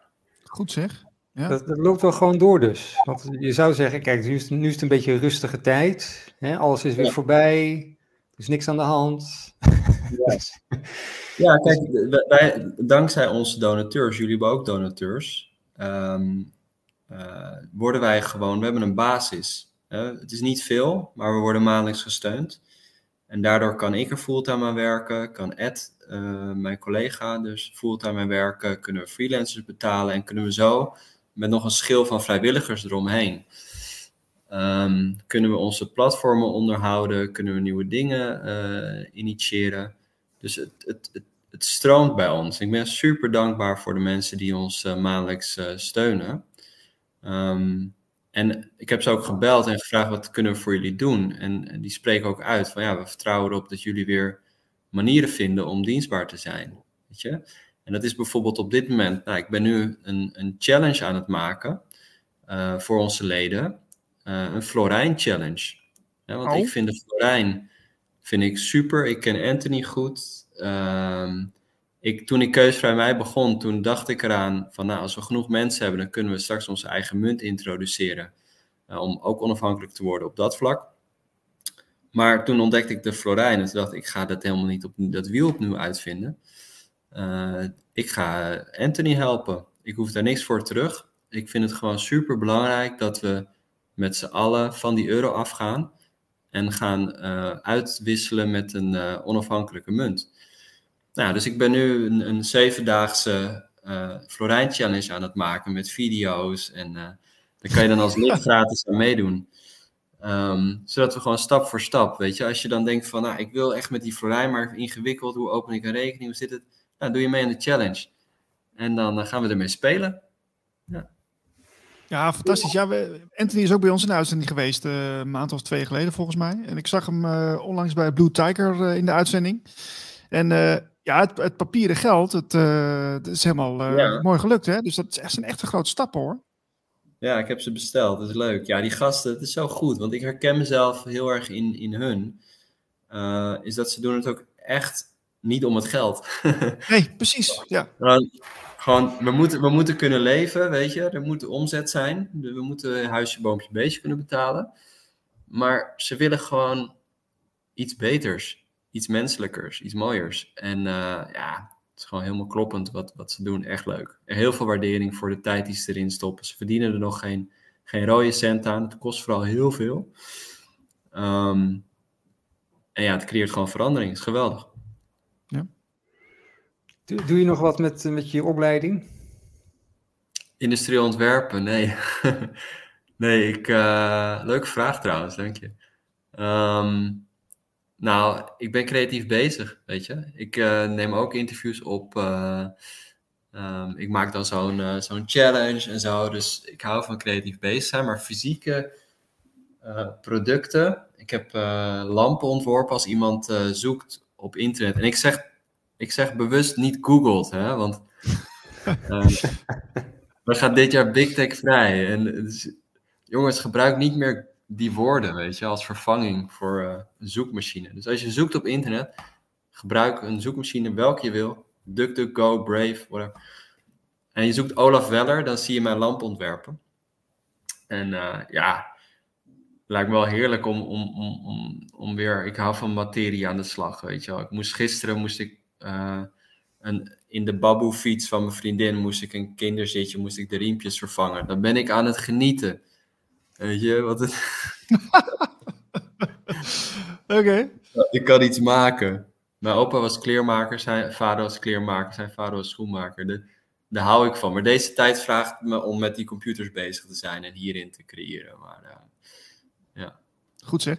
Uh, als je zover bent met je Big Tech Vrij uh, project, kom dan terug. Want dan willen we er graag even aandacht aan besteden. Want het, ja, wij vinden het ook heel belangrijk. Nou, je, je, je moet Erik gewoon uitnodigen. Dus kijk, goodbyebigtech.nl. Hé, hey, daar zijn allemaal lampen. Ja, leuk. Leuk. Oh nee, oké, dus dan zouden we Erik even moeten vragen. Zeg dit heb ik allemaal ontworpen. Leuk om even bij stil te staan. Um, ja, maar mijn lampjes werden er even bij gehaald. Even kijken. Ja, nou, zal ik er iets over vertellen? Ja hoor. Zal ik er iets over vertellen, even kort? Ja? Nou, linksboven zie je mij met die blauwe achtergrond. Dat was bij de TU Delft. was ik super trots. Dat was de eerste foto met mijn lamp. Nou, dat is dus de lamp die ik ontworpen heb. De, een houten versie zeg maar, van de industriële uh, fabriekslamp. Uh, die heel veel verkocht is. En daarmee kon ik mijn eerste onderneming starten. Mijn eerste eigen inkomen genereren. Dus dat is, dat is geweldig. Um, verder zie je nog een bullseye lamp. Die is ook heel leuk daarboven met het witte kapje. Dat is een kleiner lampje met een kapje, een wit kapje erop zeg maar de derde of vierde oh, ja. foto van linksboven. En daar heb ik de, die bovenkant is met een 3D-printer gemaakt en dat hout is gelasersnijd. Dus ik had toen een, een, een product voor in de winkel, wat deels die 3D-print was. Daar was ik dan ook weer heel uh, trots op en ik vind hem super mooi. Dus um, ja, dit is een heel, heel verhaal op zich. Ik ben nog naar China geweest, mijn lampen zijn gekopieerd, een samenwerking daar gestart. Uh, een heel verhaal op zich. Maar uh, dit, was, dit is leuk. En zijn nog steeds te koop. Ja. ja. Ga voor. Leuk. Met, met de Florijn ook te koop?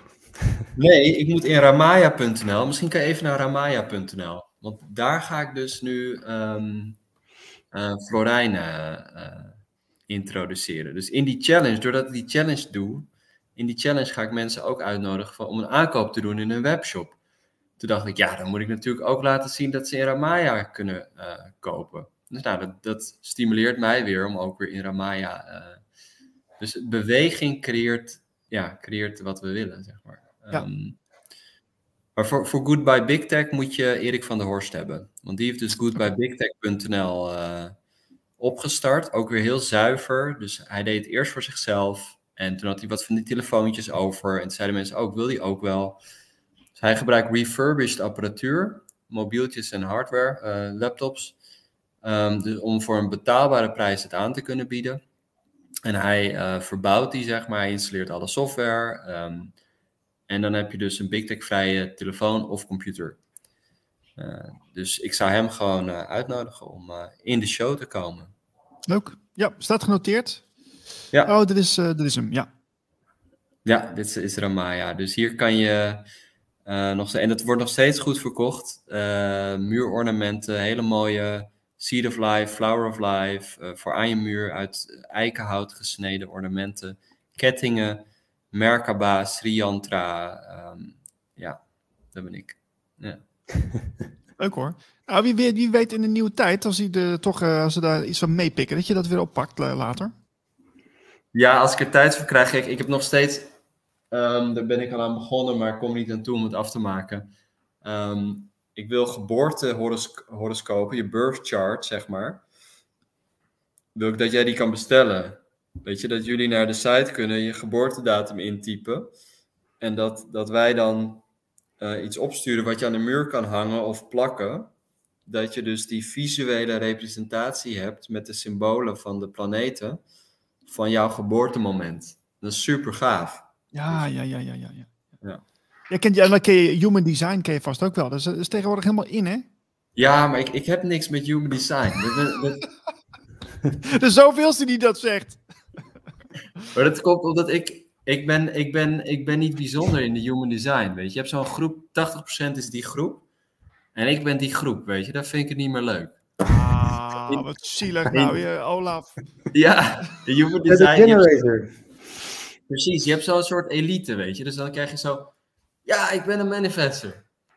En eh, ja, ja, ik ben generate, net als de rest. Dit- Nee, Gewoon een werkniertje. Saai. Nee, het human design, eh, het zal vast heel goed werken en zo. Maar het, het, het triggert me gewoon nog niet. Nee. Nee, snap ik. Eh, we houden het in de gaten. Eh, we houden contact erover, Olaf. En eh, fantastisch dat je bij ons in de uitzending was vandaag. Nou, leuk. Leuk om te zijn, want eh, ik eh, zag eh, vooral jouw werk, hè, Niels.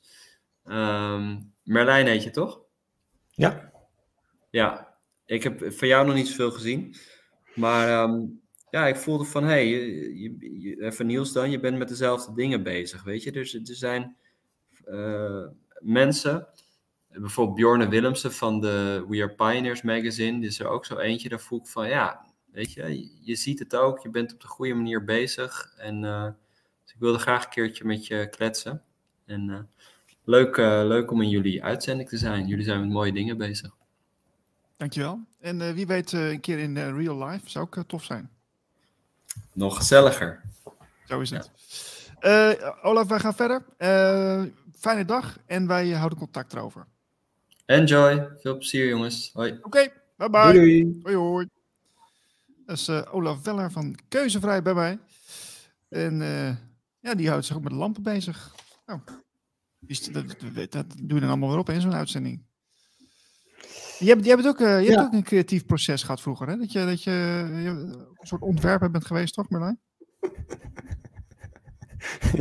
Een creatief proces. ik ben gewoon eh, creatief van aard. Dus eh, ja, er komen altijd creatieve dingen uit. Maar ik ben, ik ben nooit zo. Ik vind het wel mooi wat hij doet. Want daar heb ik zelf totaal geen gevoel voor. Voor eh, het, het 3D-werk, zeg maar. Je kunt alleen maar op een scherm. eh, Ja, bescherm of plat. Of eh, als het maar plat is. Dan, eh, dus ja, dat is, dat is ook een soort magie. die een lamp ontwerpen en dat soort dingen. ja. Maar dat zit dus ook in de familie, wat hij net zei. Hè? Dat zijn vader was kleermaker of zo. Of ik weet niet wat, wat het precies was. Maar dat is, wel- dat is misschien wel een generatiedingetje. Dat je dat toch meekrijgt. En ik kan me ook wel voorstellen, als je eh, lekker met je handen bezig bent, dat is ook wel heel erg. eh, het geeft wel heel veel, veel, veel vervulling, lijkt mij. Mm, Iets ja. creëren, gewoon iets, iets fysieks creëren. Met hout bezig zijn of met, met andere metalen. Of, eh, ja, dat, ik kan me voorstellen dat dat, eh, dat, dat voldoening geeft. Ja, nee, ik heb het ook wel gedaan op de kunstacademie. Heb ik een jaar gedaan. Dus dan ga je ook met hout en met klei en eh, dingen aan de gang. Dat was niet mijn ding. Nee, goed, dat, dat zo zie maar. Ja. Eh, laten we dan, laten we dan, gaan, we- gaan we gelijk daar naartoe zometeen? Heb je hem klaarstaan? Wat, eh, wat, eh, wat, wil, je, wat wil je doen? Nou, we hebben het de hele tijd over de nieuwe wereld gehad, dus ik wil eigenlijk wel even door nu. Onze vrienden en vriendinnen van de nieuwe wereld natuurlijk. Nou, die, die stuurde zelf vanuit hun eigen account eh, een tweet eruit. Eh, en de nieuwe wereld zegt: De nieuwe wereld, het hoeft niet allemaal anders. Wij staan voor het goede gesprek tussen traditie en innovatie, zegt cultuurfilosoof. Hij, is, hij Jelle heet hij, geloof ik, hè? Hmm. in gesprek met eh Sietske Bersma. Dus dat was dit eh, fragmentje. Bij ons is de nieuwe wereld de de continuering Ja. van de oude wereld. Bij ons is de, is de nieuwe wereld de continuering van de oude wereld. Waar- waarom laat je hem dan niet helemaal zien dan? Nou, we Kan gaan het niet? door. Oh, Oké. Ik, wil even, ik wil even een stukje zien. Oh, dit is. Oh, sorry. Ik, ik, ik zeg niks meer. Hij zegt allemaal eh, grappige dingen. Is dat zo? Ja. Nou ja, het is wel een beetje de nieuwe wereld met een vraagteken erachter, ja. Dan, eh, ja, de nieuwe wereld. Oh, Wat die is het nou de kant die het... Oh, die- zo. gaan we nou de kant op die ook wij op willen? We staan wel voor traditie en het, en het goede gesprek Ja. eh, tussen, tussen traditie en innovatie. Je ziet wel in de hoofd Dat vind ik zo leuk dat hij dat zegt. We- Want dan zegt hij, we staan voor traditie en het goede gesprek. En dan, en dan, en dan, dan denkt hij van, oh jee, traditie, oh dat is conservatief, conservatief eigenlijk. Hè? Dus innovatie ook. Dus traditie en innovatie, dat gooit hij dan op één hoop. traditie en innovatie. Je ziet wel in de hoofdstroom van wetenschap en eh, media Ja, dat, en dat de omarming van dat het allemaal anders moet. En dat is natuurlijk niet onze positie. Ja, dat is niet onze positie. Als nieuwe wereld zijnde. Maar we heten wel de nieuwe wereld. Nou ja, dat, dat geeft ook wel een hele andere lading aan hun naam natuurlijk. Hè? Dus dat is, dan zijn ze eigenlijk een soort van, eh, hoe noem je dat ook alweer, die, die ehm beetje satirische website, De Speld of zo, weet je zo. Een beetje, beetje zoiets. Van, nou ja, we, we, we praten het erover, maar we geloven er eigenlijk niet echt in. Beetje zoiets. Beetje, beetje met een knipoog. Nou ja, ik denk, ik denk, dat heb ik bij sommige andere platforms en zo ook. En dat hebben zij ook. Zij willen heel erg eh, terug naar hoe, hoe het twintig jaar geleden was. En ze willen ook heel graag serieus genomen worden door nog steeds die mainstream media. En dat, dat, dat proef je bij andere, andere platforms soms ook. Door- als er een aanbod zou komen van eh, nou ja, NPO of eh, Talpa of weet ik veel, om ze in te lijven, dan doen ze dat. Want dan, dan horen ze erbij. Oh ja, en we gaan gewoon weer, zoals we in de jaren negentig programma's maakten, dat gaan we gewoon weer doen. En dan, eh, zo moet het eigenlijk gewoon. Nou, verwacht jij dat dat zoiets gebeurt, zo'n switch, zo'n, eh, dat, dat zo'n, zo'n, YouTube-kanaal wordt geadopteerd door de NPO bijvoorbeeld, of misschien wel door een commerciële zender? En dat, dat dan dat, dat, ze eigenlijk, niks dat, verbazen. dat ze dan eigenlijk gekaapt worden, maar dan wel- wel blijven uitstralen van nee, nee, we, hebben heel veel mensen die alternatief denken en vervolgens zie je dat helemaal niet terug natuurlijk, maar dat, dat wordt dan wel gezegd. Dat, zou, ja, dat dat sluit jij niet uit. Ja, het zou me niks verbazen. Want eh, de, wat de nieuwe wereld nu doet, ja, dat kan, dat kan ook gewoon op, eh, hè, kan gewoon naar Buitenhof, kan dat gewoon op eh, NPO 1 uitgezonden worden. Nou ja, eh, Anthony Michels bij Buitenhof. Ja, nou ja, ze hebben, ze hebben af en toe eens eh, wat mensen die eh, hè, een beetje controversieel zijn misschien. Maar eh, ze, hebben nu, ze hebben nu de afgelopen dagen hebben gewoon twee gesprekken gevoerd om Graham Hancock helemaal onderuit te halen. Denk ik, ja jongen. Oh! Om hem onderuit te halen. Oh, dan moeten we even kijken. Nou, ik zal- het er even doorsturen naar, naar Leni. Die zal dat ook leuk vinden. Ja. Ja, die zal het, eh, die zal het niet leuk vinden. Maar eh, ja, nee, dat, die, die gaan gewoon helemaal in dat, hè, eerste gesprek. Dat heb ik toen, eh, ik geloof, drie minuten volgehouden. Want dat, gaat, dat begint, hebben ze een archeoloog. En dan beginnen ze, de eerste vraag is van, ja, die Graham Hancock, wat is dat voor mannetje? En het wordt een pseudo-wetenschapper genoemd en een pseudo-archeoloog. En hoe, hoe kijken jullie daar tegenaan? Dus dan ga je helemaal vanuit dat frame, dat helemaal neergezet is, terwijl Graham Hancock die zegt tien keer per uitzending van eh, ik ben geen archeoloog, ik ben een journalist. Maar nee, daar gaan, nee, we gaan helemaal in het frame van de mainstream, dat, dat gebruiken we en die ingang kiezen we. En, eh, ja, Dus dan, maar dan, dan eigenlijk als je dit zo ehm, schetst. Ik wilde niet gelijk eh, ja, negatief zijn of zo, maar dat is toch gewoon eigenlijk controlled opposition. Nou ja, ik denk niet dat ze controlled zijn dus. Ik denk eh, dat ze, dat ze ja, ja, nou ja, wat, wat ze, waar ze zelf vooruit komen. Dat ze gewoon de oude wereld weer terug willen. Gewoon twintig Ja. jaar geleden, de, de goede gesprekken zoals Ischa Meijer die voerde, dat, doen we, dat willen we weer terug. Ja, ja, ja. ja. Eh, ja. Dat, dat vinden zij dat de nieuwe wereld moet zijn. De oude wereld weer, weer terug. Ja. Ja, nou ja, goed. Kijk, ook in goede gesprekken hoor je gewoon soms eh, dat dingen waar zijn en dat dingen niet waar zijn. Dus eh, dat wordt nog leuk voor de nieuwe wereld dan. dus, nou ja, als ze dat echt willen, dan. eh. Maar goed, ja, ik, vond- ik vond het een opmerkelijk fragmentje, want ik heb het even naar je doorgestuurd. En ja, Kijk, eh, dat is, eh, iedereen neemt in deze eh, gekke tijd natuurlijk zijn eigen positie in. Hè? Van wel- welke rol neem je aan? En zo, zo is het ook gewoon goed dat ehm, ja, mensen zoals Sietske Bergsma daar ook gewoon gaat zitten en verhaal doet. En kritisch blijft, want dat doet ze wel heel goed, vind ik hoor. En, maar ja, het is wat dubieus. Ik, ik vind het ook wel interessant in- om die platforms een beetje te blijven bekijken. Waar, waar, waar, hè, waar, waar ze in zitten met hun verhalen, zoals Blackbox. En ehm, nou ja, ga zo, ga zo maar even door. De andere kant ook. Hè. Ik, ik ben natuurlijk de, de podcaster voor de andere kant. Maar ja, je moet daar ook kritisch op blijven. Dus eh, dat is heel goed, dan hou je elkaar scherp. En ook op Radio Gletscher, wat we daar ook allemaal... eh, ik, heb ik, heb ik heb Dennis Nelissen gebeld deze week. Trouwens, die heeft een nieuwe, nieuwe uitzending hè, van Logos. Ik zeg, Dennis, heb je, heb je gezopen ge- die avond voor de opname? Wat was dat, joh? ja, nee, nee, goed, eh, dat, dat, dat, dat, dat andere dingetje aan zijn hoofd. Maar, dus, eh, maar goed, dat, ik vind wel dat je moet elkaar een beetje scherp houden. Hij was een beetje schor. Nou ja, dat eh, kan toch. Hij was een beetje schor, inderdaad. Ja. Maar goed, ehm, interessant. Ehm, heb je nog meer eh, fragmentjes of fotootjes? Want ik heb nog een aantal dingen doorgestuurd. Ik weet niet of je daar nog iets van wil laten zien. Of heb je, heb je andere dingetjes? Ik heb, eh, ik heb andere dingetjes. Oké. Ik heb iets, ge- ik heb een draadje op Twitter heb ik, gezet vorige week. Ik heb het even onder elkaar gezet. Ehm, want, eh, de, de, ja, het is toch wel schrikbarend hoeveel insecten er tegenwoordig eh, in, eh, in producten worden verwerkt.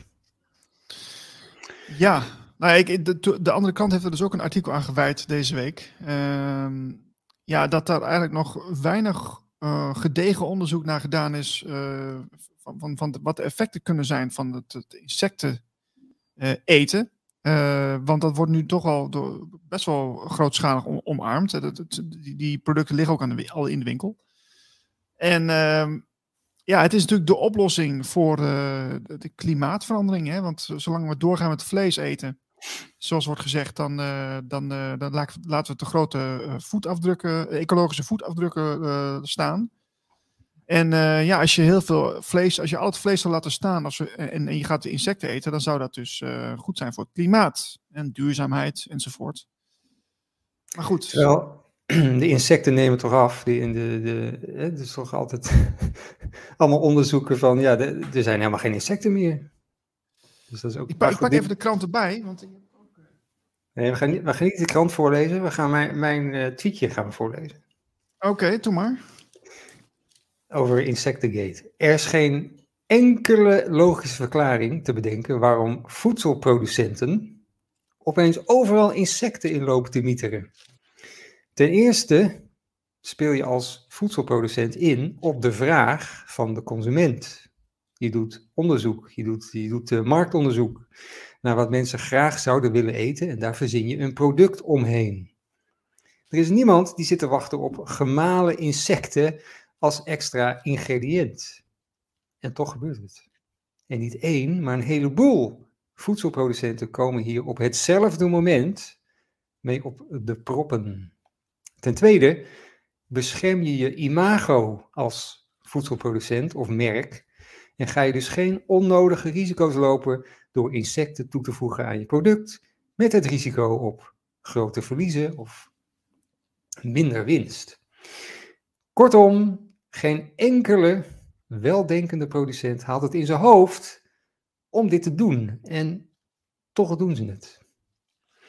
Eén reden die je kunt bedenken is dat insecten een goedkoper alternatief zijn voor een ander duurder in- ingrediënt. Maar dat lijkt me sterk. Ook het argument dat het eten van insecten wordt genormaliseerd omdat we in de toekomst geen beter voedsel meer zullen hebben, lijkt me vergezocht. Mocht de nood echt hoog worden, dan eten we gewoon wat voorradig is. Daar hebben we geen jarenlange psychologische voorbereiding voor nodig. Nog een argument is dat het nieuwe technologie is. Het is nu mogelijk, dit wordt een nieuwe trend, dus springen voedselproducenten er meteen bovenop. Ook dat lijkt me nonsens, want het is geen nieuwe technologie.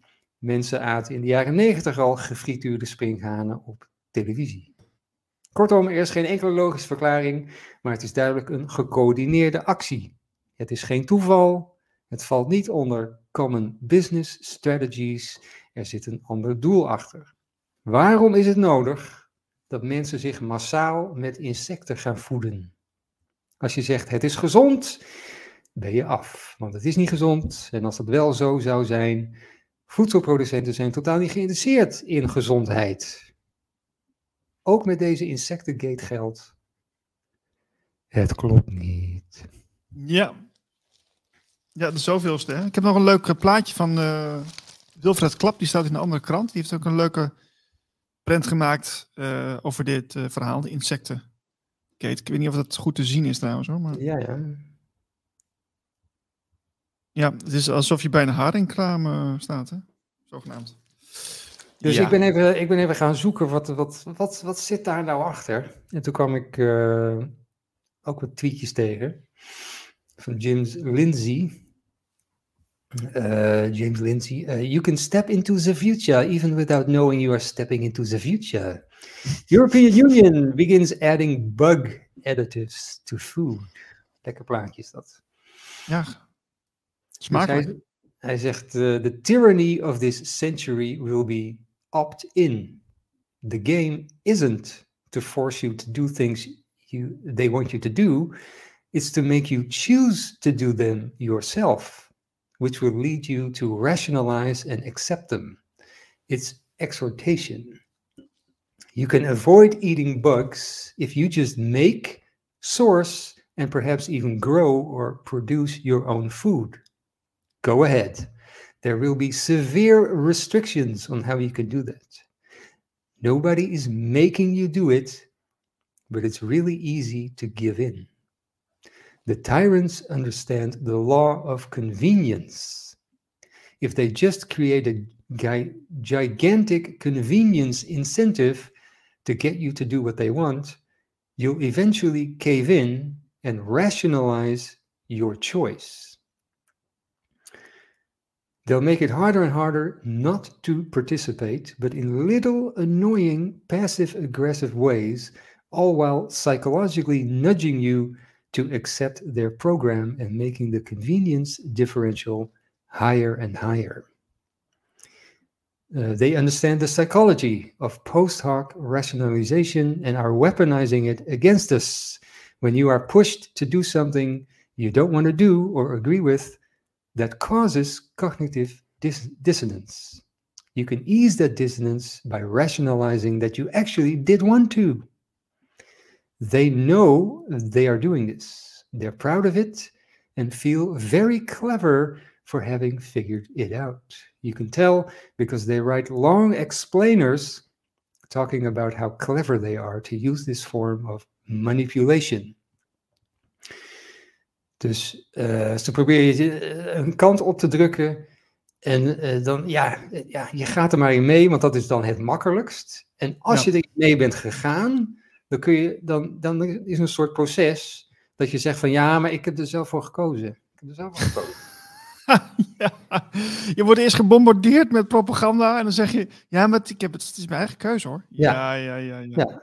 Ja. En, toen, en hij heeft, had een paar linkjes hierbij. En toen linkte hij naar, eh, naar dit van UNESCO bijvoorbeeld. Hmm. Education for Emotional Resilience. Uh, UNESCO uh, focuses on education for emotional resilience programs. We believe that children can learn thoughts and feelings and be able to relate to others by being educated. Nou, het klinkt allemaal heel mooi, maar dat is een heel groot verslag. Dat kun je zo vinden op internet. Heel groot verslag, waar dat dus allemaal in staat. Die technieken om iemand ja, eh, eh, een bepaalde hoek eh, in, in te krijgen. Dat is eigenlijk een vorm van mind control weer. Hè? Ik bedoel, je Ja. hebt er binnenkort, binnenkort deel 2, mind control, met Rob van der Wel. Dus die wordt opgenomen voor de nieuwe tijd. En dan gaan we hier ook nog dieper op in. Dus ik zal hem ook even dit even doorsturen. Eh, want dit is ook een prachtig voorbeeld hoe ze dat doen. Hè? Dus eh, ja, allemaal voor de, voor de greater good t- natuurlijk. Maar eh, Ja, het is, het is kijk, je hebt bij die, eh, bij de woke, eh, bij het woke buurthuis heb je zeg maar, eh, eh, ja, nee, we, we zijn, we zijn dus, we zijn tegen racisme. En dus om racisme te bestrijden, eh, eh, ja, moeten we eigenlijk eh, racisme inzetten? Ja, komt wel op neer. Ik wil nog even terug naar het insectenverhaal. Want ik heb Mike van Es, die hebben wij ook een keer in de uitzending gehad. Die, die heeft er ook iets over gezegd. Dus hij is gezond, gez- ja, voedingsdeskundige. En hij heeft het over ehm, dat ehm, veel insecten voeden zich met ontbindend materiaal. Rottend voedsel, lijken van dieren en menselijk afval dat vol met bacteriën zit. Ja, dit is een veel voorkomend gevaar met wild gevangen insecten. Dus dat is ook nog een dingetje. En dan willen ze dus eh, insecten gaan kweken, omdat als, ze, als je ze wild gaat eh, vangen, dat is, dat is dan gevaarlijker. Maar ja, eh, dan is ook, hebben ze ook nog heel verhaal als je dus eh, insecten gaat kweken, dat dat ook heel veel eh, problemen gaat opleveren. Maar goed, je moet het artikel maar een keer lezen als je het eh, interessant vindt. Maar ehm, ja, het, het, is, het is weer een uit de hand gelopen eh, programma van, van, van de machten die op deze wereld zijn. eh, zo zie ik het gewoon. En eh, je ziet duidelijk waar het er weer voor ingezet wordt. Heel duidelijk, het heeft een doel. En eh, alles behalve je gezondheid natuurlijk. Ja, ja het, is, het is allemaal. Kijk, ze komen er zelf voor uit, hè? Dus die, die hè, racisme bestrijden met racisme en fascisme bestrijden met fascisme. En dit is een soort manipulatie om manipulatie te bestrijden. Dus we gaan, we gaan, gaan kinderen. Dit is van jongs af aan, hè, die UNESCO. Kinderen gaan we gewoon van jongs af aan manipuleren, indoctrineren. En dat is dan ja, dat is de tactiek om een, om een goede burger van ze te maken en zo. Maar je bent, je bent gewoon aan het psychologisch eh, aan het ingrijpen. Ja, dat is, eh, dat is wat ze constant doen. En, zo, en zoals die James Lindsay ook zegt, ja, ze komen er gewoon vooruit. Dus er zijn, zijn heel veel rapporten en websites. Maar dat kan ook. Dat kan ook. Want, want als niemand het ziet, waar, waar zou je dan gaan zoeken? Als je, niet, als je geen probleem vaststelt, dan hoef je ook niet op onderzoek uit. En laten we zeggen, toch de, de, de, de nog steeds eh, massa, waarover we, we het toch moeten hebben, die, eh, die gaat nog steeds niet van de bank hoor. Die zegt nog steeds van ja, oh insecten, nou gaan we gewoon proberen. Misschien wel goedkoper, goed idee. Want het is gewoon, gewoon onwetendheid. En dat, dat is gewoon hoe, hoe sterk die mind control werkt. Gewoon nog steeds. Dat is gewoon een eh, heel eh, ja, diepe, diepe programmering. Ja, Nou ja, en wat je zegt, eh, het is voor het, het, het eh, goede doel, hè? voor het grote goed. En, eh, ja maar zo wordt het ook verkocht. Je, wordt- het het is altijd, je wordt altijd gewoon eh, genaaid waar je bij staat. Maar er wordt, er wordt een ander, eh, ander verhaaltje van gemaakt. Zodat jij denkt van, nou, dat is toch wel goed. Dat is toch wel goed. Ja. ja. En dan, dan voel je je goed. Dan voel je je een goede, goed mens. Dan heb je, kom je met je boodschappenkarretje aan bij de kassa. Kijk eens wat ik, wat ik hier heb.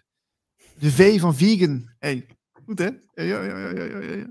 Nou, en dan, ben je, dan heb je een goed gevoel. Maar ja, de ware reden van, van jouw aankoop, ja, die, zit, die begint natuurlijk hier. Nou ja, eh, insecten is natuurlijk niet vegan. Dat is natuurlijk wel Nee, maar kleine- even, geef even een voorbeeld natuurlijk. Even een voorbeeld, maar eh, ja. Kleine kink in de kabel eh, hebben ze niet goed, niet goed bedacht. Dat, Nee, nee dat, precies, precies. Ehm, wat is jouw ultieme geluksgevoel, Mar- Marlijn? Kun je er eens even over, over op intunen wat het bij jou is? Eh, wat, dat, wat dat gevoel is, of waar ik het van krijg. Nou, waar, waar krijg je het van? Ik had vroeger altijd dat het op, op eh, zo'n geluk, geluksgevoel, op de, de, de raarste momenten, gewoon als er niks gebeurde, je liep, je liep naar de keuken toe en dan had je het opeens. Ehm, ik heb dat eigenlijk eh, niet meer zo. Nee. Ja, maar dit, dat, dat, dat herken ik wel, dat je het zomaar, dat, dat het je overkomt. Gewoon eh, random overdag. Dat je dan opeens denkt van, nou, goh, wat, wat fijn toch eigenlijk. En dat, dat kan op een moment zijn dat je gewoon loopt ergens, of dat je misschien aan het werk bent, of... Dus dat, dat- dat- ja, ik heb er niet per se een handeling voor nodig of zo. Dat, dat, dat, dat, Nou, juist niet. Het is, het is juist op een, op een soort moment dat er even niks is. En dat, eh, Ja. ja, maar wat, wat, bedoel je dan, wat bedoel je met niks dan? Nou, als je, als je niks aan het doen bent, als je niet eh, aan het werk bent en niet gefocust bent, als je gewoon eh, ja, even, even leeg bent. Kijk, als je, er hebben heel veel mensen, die gaan dan naar de wc of die onder de douche en dan is er gewoon een moment van even niks. Denk je verder niet meer na en dan krijg je er allemaal ideeën. Komen de, de, creatieve ideeën komen dan vanuit de leegte en de stilte komen die dan omhoog. En dat, dat, dat is ook met dat geluksgevoel zo. Deze jongen, die heb ik gisteren geïnterviewd, Erik Meinster. En die eh, heeft dus een boekje geschreven over het geluksgevoel. En ehm, die geeft er dus een, een, een, ja, een voorstelling over. Dus hij, hij is op jonge leeftijd is hij er achter gekomen van hé, ik, ik, eh, ik heb het gevoel dat de wereld niet klopt. En toen ging hij eigenlijk een heel ehm, ja, groot onderzoek uh, ging hij, van start bij zichzelf. En, en, en ja, dat is eigenlijk gewoon het ontwaken, zou je kunnen noemen. Um, en ja, dan word je natuurlijk heel erg geconfronteerd met je overtuigingen. Ik heb hier nog een affiche van hem. Uh, voor de mensen die het leuk vinden, kun je naar zijn voorstelling gaan. Het geluksgevoel van Erik Meinster. Uh, moet je even in de gaten houden uh, wanneer dat is. Het wordt zomaar door mensen georganiseerd. Is een aanrader. Maar hij, is, hij is dus op jonge leeftijd is hij daar dus mee bezig gaan, eigenlijk met persoonlijke ontwikkeling. En nou ja, op een gegeven moment toen dacht hij van ik, ik ga gewoon overal mee stoppen. En ik ga um, ik ga uh, ja, de, de, de 14 bergen opfietsen en ik ga in een bus wonen. En uh, dat is wat ik ga doen, want ik wil gewoon dat geluksgevoel wil ik ervaren. Want hij, had, hij had het, het, idee van, ik moet daar naartoe, ik moet dat gaan doen. En dat ging hij doen. En um, toen, toen, toen kwam hij erachter dat hij wanneer hij in de flow zit, dus, dus hij heeft er ook voor getraind, als je in de flow zit met het fietsen, dat je dan in een soort leegte terechtkomt. Een soort van flow, zo'n heerlijk, uh, zo'n geluksgevoel zou je kunnen noemen. Hij probeerde dat ook vast te houden. En toen is hij uh, na een lange tijd, uh, toen hij daar is geweest, uh, is het gevoel, um, ja, dat deed zoveel met hem, dat, dat, hij, daar, dat hij er eerst heel emotioneel van werd en later um, een soort leegte heeft ervaren. En, en ja, dat, dat heeft hem dus eigenlijk gebracht om mensen dat te vertellen. Van hey, ga eens op zoek naar dat geluksgevoel. In plaats van het, het, het, huisje, boompje, beestje verhaal. Wat hem ook op jonge leeftijd al verteld werd. Dat hij altijd al dacht van het klopt niet. En ik, ik, uh, ik, heb een andere boodschap te vertellen. En dat vertelt hij dus in zijn show, zijn theatershow. En uh, dat vind ik heel knap. Want, uh, hij is van mijn leeftijd, is zelfs iets jonger dan ik. En heel, ja, heel erg wetend van binnen van ik, ik, die boodschap, dat is een belangrijke boodschap. Want, want heel veel mensen uh, weten, weten, helemaal niet meer wie ze zelf zijn. En uh, dat, dat zie je ook in de maatschappij. Hè? En dat, er werd er ook zo door geraakt toen hij op een democratische school als begeleider aan het werk ging. Uh, en dat, dat hij zag dat kinderen gewoon zo vrij werden gelaten op die school. Zo open stonden voor, voor, ja, voor gevoelens voor het moment. En dat dat op zijn, in zijn proces, op zijn 17 jaar, al helemaal niet meer aanwezig was. Dat hij dat al helemaal. Hij was gewoon helemaal de weg kwijt. Hij moest gewoon Hup, hij moest uh, cijfers halen, hij moest een opleiding doen, hij moest hup, uh, met, het, met, met de stroom mee. Dat, dat, ja, dat vond ik wel heel erg, uh, dat, dat, dat vond ik wel heel erg tekenend, dat hij, dat hij de schoonheid zag van, van, van het moment bij, bij andere, andere kinderen die nog wel die vrijheid hebben, die openheid hebben. En dat, uh, ja, hij nodigt alle mensen uit om het, gevoel, het geluksgevoel weer te zoeken. Zodat je zelf dat kan op, oprakelen, zeg maar. Dus dat is wel, uh, wel een mooie, mooie boodschap. Ja. Hmm, ja. Nou ja, ik, ik, ik, weet niet precies. Uh, het is niet zoals je zo'n geluksgevoel hebt dat je dan weet uh, wie je bent, toch? Het is. ja, het is een speciaal gevoel, maar, maar voor de rest, ja. Ik weet ook niet of nou ja, hoe lang dat, dat, kan aanhouden dan. Dat, dat zei ik ook tegen hem. Van ja, wat, wat, want, want dan heb je dat ervaren. En daarna is het ook gewoon weer de volgende dag. Dus dan kun je, je kunt niet de hele, je hele leven bergen opfietsen en in de bus wonen. Dat is ook weer zo, zoiets van ja, dat kun je wel even doen. Maar dan komt daarna weer het besef van oké, okay, wat wil ik hiermee? En dat, dat vind ik wel mooi dat hij dat, dat hij dit heeft aangedurfd. Want hij dacht van ja, maar wat mij te doen staat, is om dat te vertellen aan mensen. En uh, dat vind ik wel heel knap, dat je dat toch gaat doen. Ik doe het zelf natuurlijk ook in, in een andere vorm of zo. Uh, net een andere draai. Maar het komt wel een beetje op hetzelfde neer van durf vanuit je hart te leven. Durf, durf te, te doen waarvoor je het idee hebt dat je er bent. En niet omdat je je omgeving wil dat je er bent. Met een diploma en uh, eh, 9-to-5 job. Dus uh, dat, is, dat is de uitdaging. En, dan, loop je natuurlijk tegen heel veel dingen aan. Want ja, je wordt de omgeving, uh, snap je niet meer. Nou ja, we kennen het hele verhaal. Dat heeft hij dus ook al uh, meegemaakt. En dat zit morgen in. Uh, nee, dat zit deze week. Zit in, Deze week in de andere agenda podcast. Dus als je dat leuk vindt, is het te beluisteren met Erik Meinster. Ja. Ik heb eigenlijk iets anders. Dat ik niet, niet zo'n geluksgevoel, maar een soort trauma. Oude traumagevoelens.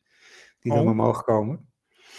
En ik ben daar heel ja, dankbaar voor. Ik vind dat eigenlijk heel leuk als dat omhoog komt. Want dan, dan kun, je het, kun doorvoelen, zeg maar. Dus ik heb, uh, toen was ik echt heel jong, een jaar of twee, drie. En ik, denk ook nog wat ouder, een jaar of vijf of zo. Heb ik een soort van traumatische ervaringen gehad in auto's. Dus dat je als klein kindje op de achterbank zit en uh, je ouders hebben voor, uh, voorin hadden ze, hebben ze ruzie. En dan, ja, dan denk je toch van, ja, oh, oh straks, straks wordt de auto uitgezet. Of uh, misschien wordt een van hun de auto uitgezet. Of, en, dan, en ik dan. Dus dat, dat is heel traumatisch. Dat, dat is een bepaald gevoel. En we hadden vorige week hadden we dat Radio Gletscher event. En uh, toen kwam Niels mij even met de auto ophalen. Dus ik liep zo naar die auto toe. En opeens komt dat omhoog. Een, een, eh, een, een dat, dat, dat, dat oude, oude trauma gevoeletje. Omdat ik in een auto ga stappen. En ik, ja, of, ja, of, ja, jaren geleden schrik je daar nog een beetje van. Van, wat is dit nou? En nu, nu denk ik eigenlijk van, nou, fijn dat het omhoog komt. En dan, dan, dan uh, ja, omhels je het eigenlijk een beetje, dat gevoel. En dat jammer is dat het dan meteen weer weg is. maar is het een soort verkramping of zo dan? Um, ja, verkramping, ja. Ja, het is, het, is, het is meer een soort angstig gevoel. Dus, uh, oh jee, oh jee een, een, een, uh, spannende situatie. On, onduidelijk wat er gaat gebeuren. Uh, maar het is een specifiek, specifiek gevoel, wat, heel, wat helemaal teruggaat naar die herinneringen. Dus, maar dat, ik, vind, ik vind het leuk als dat gebeurt, want dan, dan kun je het soort van ik schrik er niet meer van, want dan, dan schrik je het ook, dan is het ook meteen weg, maar dan komt het, ja, ik, ja, ik weet niet. Je, je, moet, je, je moet het juist omhelzen. En dan integreer je het, denk ik. En toen je bij mij in de auto zat, toen ging het ook wel weer weg, dus? Nou, daarvoor al. Dus het was echt, okay. echt maar een minuut van, uh, van uh, twee seconden. Dus... Uh, en heb je dat alleen bij, bij, bij het autorijden of ook met andere dingen? Uh, ik heb dit ook wel eens uh, als ik ergens loop en, en er is een soort geur of zo. Een geur kan, dat kan, het ook, kan ook iets triggeren. Bij, eh, niet niet dat, dat, ik naar die auto terug ga, maar naar, naar wat anders. Vaak weet ik dat ook helemaal niet, waar het me aan doet denken. Maar ik weet wel, ja, dat is, dat is een keer gebeurd toen ik uh, jong was, ergens een keer. En uh, dan krijg je ja, je vinger krijg je dan niet achter. Maar uh, ja. Hmm. Oké. Okay. Nou, wat mooi dat je het met ons deelt. Ja. Ja.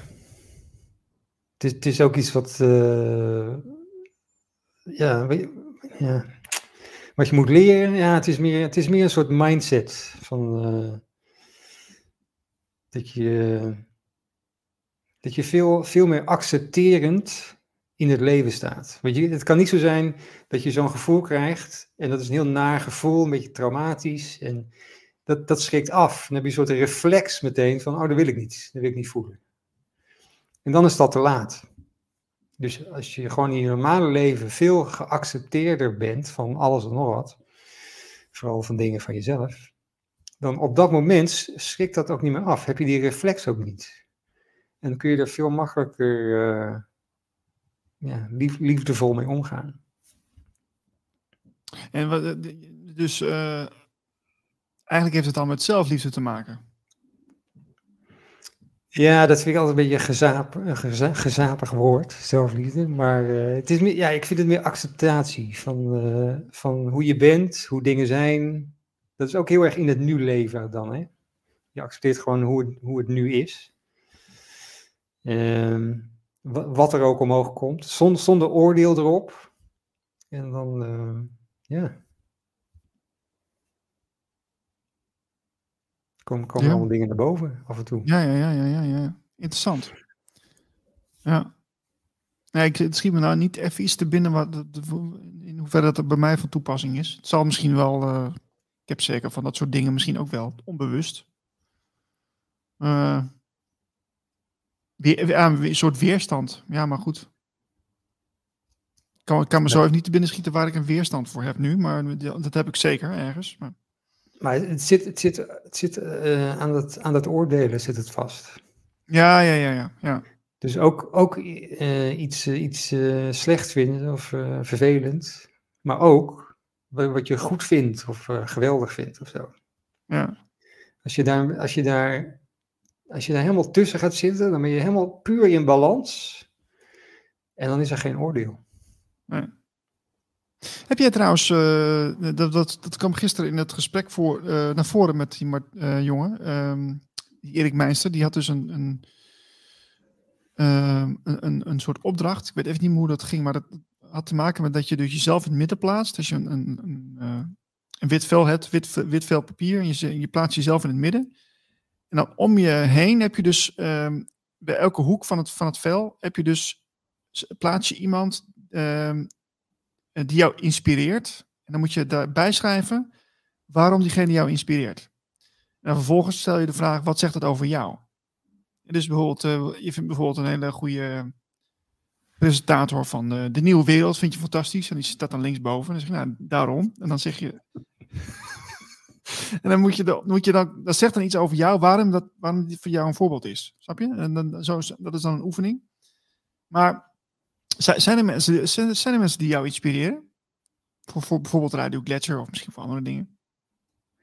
Nou, dat, is- dat, dat is wel een leuke oefening, maar ik, ik zou dan eigenlijk zeggen, dan moet je in die, in die, in die vier hoeken, moet je dan mensen, mensen zetten die, eh, die je niet inspireren, maar, maar triggeren. Waar, je, Hmm. waar, je, waar je weer, inderdaad weerstand voor Oh, weerstand. Oké, nou, nou, nou, nou, gooi maar, we, we draaien hem om. Bij wie, bij, we- zijn even linksboven, linksboven beginnen we bij jou. Bij wie eh, komt de weerstand? Ik ben benieuwd. De- Wil je dat delen Wat met ons of niet? Dat, dat zegt ook heel veel over jou. Hè? Dus, eh, en misschien nog wel meer. Zeker. Ja, Dus, eh, ja, wie, eh, wie zorgt er nou voor weerstand? Ja. Het is, het, is, het is ook een beetje hoe ik Twitter gebruik. Dus dan kijk je naar die tweets en dan eh, komt er een voorbij waar je op aangaat. Ja, ja, ja, ja, je, je, wil, je wil dan meteen mm, er tegenin gaan. En dan denk je, ja, oh nee, wacht even, wacht even, dat zegt iets over mij. Wat, wat, wat, wat, zegt, die, wat zegt iemand hier? Wat, wat ik, ja, er zit een pijnpunt bij mij ergens. Dus, dus waar, hè, iedereen vindt maar van alles en nog wat. Dat is allemaal gewoon eh, oké, toch? Iedereen mag vinden wat hij vindt. En dan, en dan vindt iemand iets en waar je op aangaat, wat triggert opeens. Denk je van, nee, nee, dit mag je niet vinden. Ja, waarom niet? Ja, dat zit ergens in jou. Er zit een, zit een eh, met een stemmetje die zegt van... mm. Of dat, eh, dat, dat- je, ontkent eigenlijk dat het ook in jou zit. maar goed, er is toch niet alleen Twitter? Ik bedoel, er zijn, er zijn nog meerdere dingen die- jou kunnen trigger- triggeren. Ja. Ja. Nou, het, hoeft niet, hè. Misschien misschien is het nu een beetje raar om dat in de uitzending te doen. Maar eh, nou goed. We komen allemaal gewoon een keer op terug. Als je het, eh, of misschien heb je wel iemand nu te plekken. Te plekken. Nee, ik heb, ik, heb, ik heb het niet zo. Ik heb het niet zo met personen. Ik heb het meer. Eh, over, hè, over wat gezegd wordt. Wat mij triggert. Niet, niet per se de persoon zelf. Oké. Ehm, ja. Hmm. Nee. Kan zo niet bedenken. Nee, ik ben ook eh, redelijk eh, eh, passief op social media de laatste tijd. Dat is, dat is alleen dat ik het deel voor mijn eigen ja, creativiteit en zo. Met, met, met de podcast en dat soort dingen. Maar niet met meningjes ben ik steeds minder bezig. Ik, zie ook niet meer dat het gebeurt. Ik zie, ik zie het mezelf ook niet meer doen. Dat is wel een mooie uitspraak. Ik zie het mezelf niet doen. Ja, ik, dat zie ik ook gewoon niet meer. Dus, eh, soms heb ik nog wel eens zo'n moment dat ik, ben, ik een beetje cynisch ben. Dan moet ik even zo'n geciteerde tweet even plaatsen. Weet je wel? Nou, zo. En dan, en dan een paar dagen later denk ik van, nou, haal maar weer weg, joh. Niet nodig. ja, wat heb je gedaan? Maar We goed, krijgen eh, concurrentie. serieus? Van wie?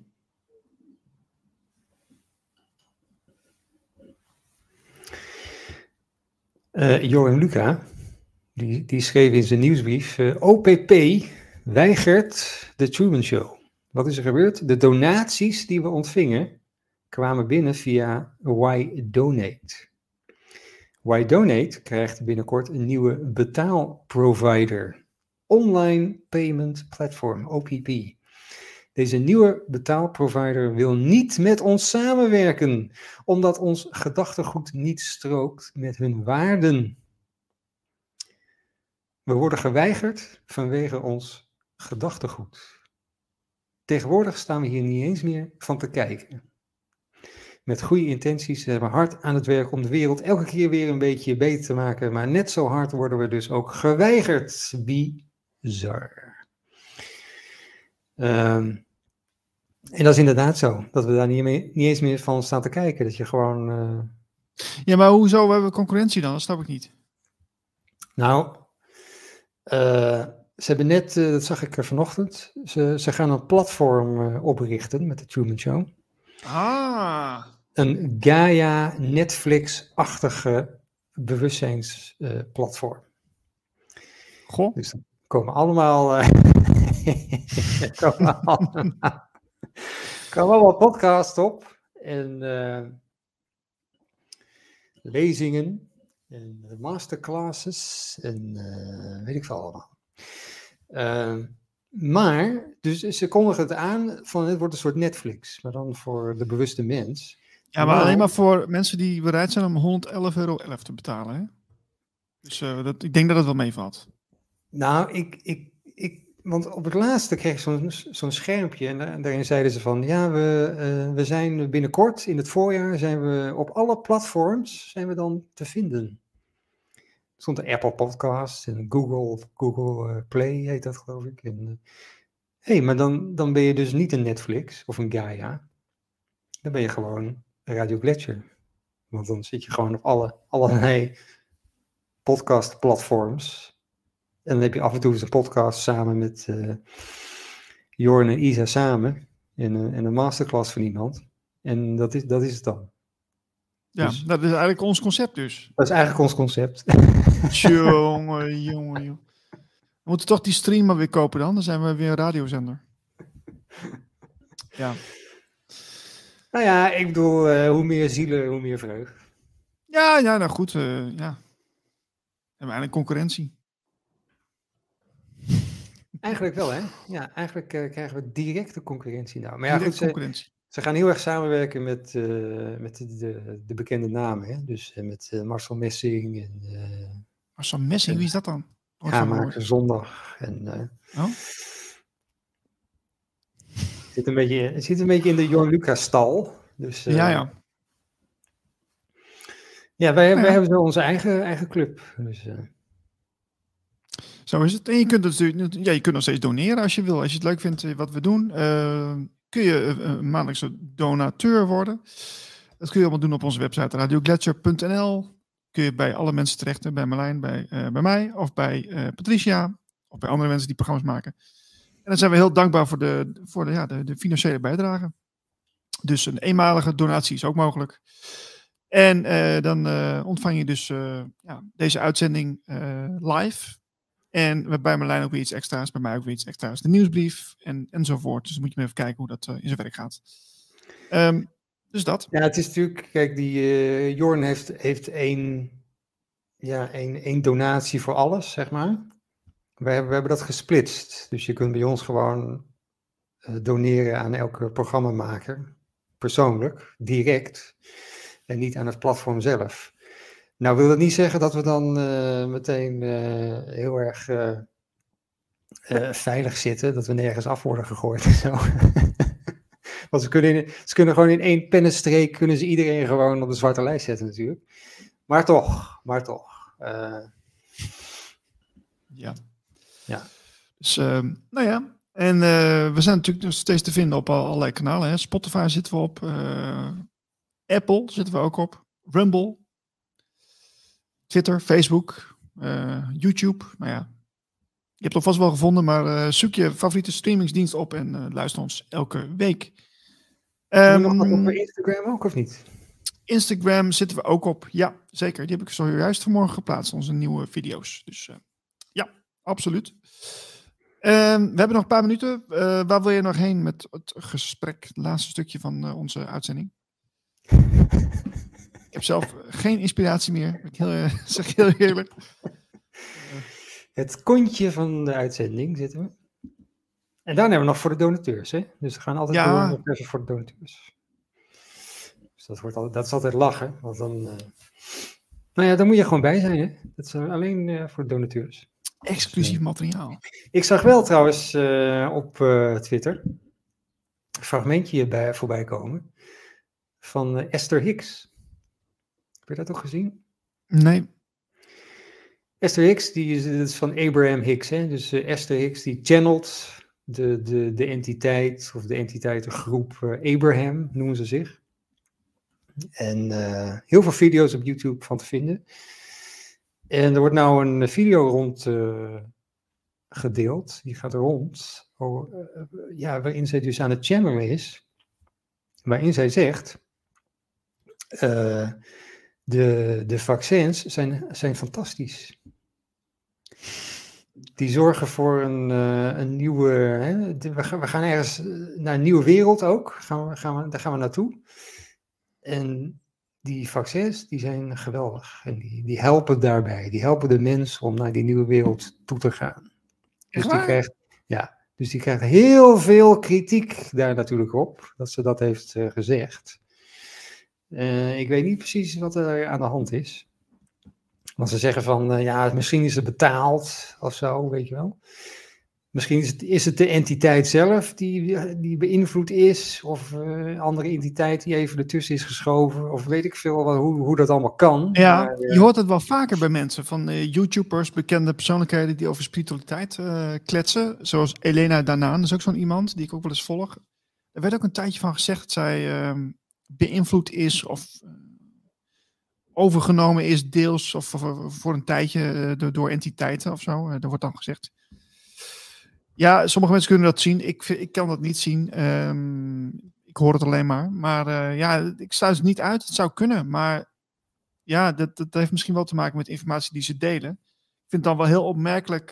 want was zij daarvoor, voordat ze dit dus naar buiten bracht, wel zeg maar bewust zeg maar, over wat in die vaccins zat? Of, of is dat, was het altijd al? Volgens mij heeft ze het daar nooit over gehad. Oh, Want het gaat, het gaat, eh, het gaat heel erg over in de vortex komen en eh, manifesteren. En, eh, hm, ook, ook gewoon doen wat, je, hè, doen wat je leuk vindt. Het zit er ook Ja. achter. Maar eh, ja, daar- oké. ja. Ja. ja, spiritueel zijn of bewustzijn, dat zijn wel twee andere dingen. Hè? Ja, nou ja, dat, dat channelen, dat is natuurlijk ook... de Ja, wat channel je dan mee? Wat channel Ja, je mee? De channelers zelf, die weten dat eigenlijk ook niet zo goed. Ja, dat, Ja. dat vind ik altijd een lastig iets. eh, want ja, ik heb, ik heb ook wel meer met meerdere mensen gesproken die dat ook doen. Maar ik geloof ook heus wel dat ze die on- informatie ontvangen. Dat ze het niet verzinnen en zo. En dat het ook wel authentiek is. Maar ja, eh, wat vervolgens, het is informatie. Ehm, ja, ik vind, ik vind het altijd lastig om, te, om, te na, om na te gaan van eh, waar komt het vandaan en wat is, wat is, wat, wat is de bedoeling ermee, de intentie mee. Dat, dat, dat, vind ik al een moeilijke vraagstuk. Ik, vind het zelf, ik hou het altijd een beetje zo in het midden van ja, ja, oké. En nu? Ja. Maar als, als je channelt, ga je denk ik af. Kijk, je zet jezelf open. En dan ga je af op een bepaald gevoel, denk ik. Van, oh, die, die entiteit die voelt zo. En dat laat ik dan door me heen gaan. Ehm, maar als het een heel collectief van entiteiten is, wat ook vaak zo is. ja, eh, dan is er misschien net even eentje aan het woord die eh, met, met een klein, klein verborgen agendaatje misschien even wat dingen ertussen wurmt. Heb je dat als channelaar door of niet? Dat is, ja, dat is een beetje de vraag. Dat is de vraag, inderdaad. Ja. Hm, interessant. Oké. Nou ja, volg je trouwens ook een beetje de, de ja, want in, in Amerika is het veel groter, hè, die, die community eh, over buitenaards het leven en, en spiritualiteit, alles wat daar een beetje mee samenhangt, is veel groter al dan wat we hier in Nederland en de Benelux eh, kennen. Eh, wat, volg je dat wereldje ook een beetje? Zoals, hoe heet ze ook weer? ehm eh, Eisenhower, die dame. Ken je haar ook? Ja, Laura Eisenhower, ja. Ja, ja. Eh, ja, dat is, dat is wel een bepaald, bepaald wereldje inderdaad. Die zitten ook altijd samen bij congressen en zo. Komen ze allemaal Ja. opdraven. Ja. Eh, ik, eh, ik, ik hou nooit zo van clubjes. Dus eh, van dat soort groepjes met allemaal dezelfde mensen altijd. Die wantrouw jij. Ja, die kunnen niet allemaal even, Zuiver zijn. Even zuiver zijn, ja. ja. Dus ik ga, ik ga toch af op een beetje de, de, de eenlingen, zeg maar. Ja, en dan, eh, hoe zie je dat voor je met Radio Gletscher? Wij zijn natuurlijk ook, eh, we hebben ook meerdere podcasts. Die zijn wel wel zuiver? Nou, tot nu toe wel, volgens mij. Ja. Ja. Nee, denk ik ja. ook.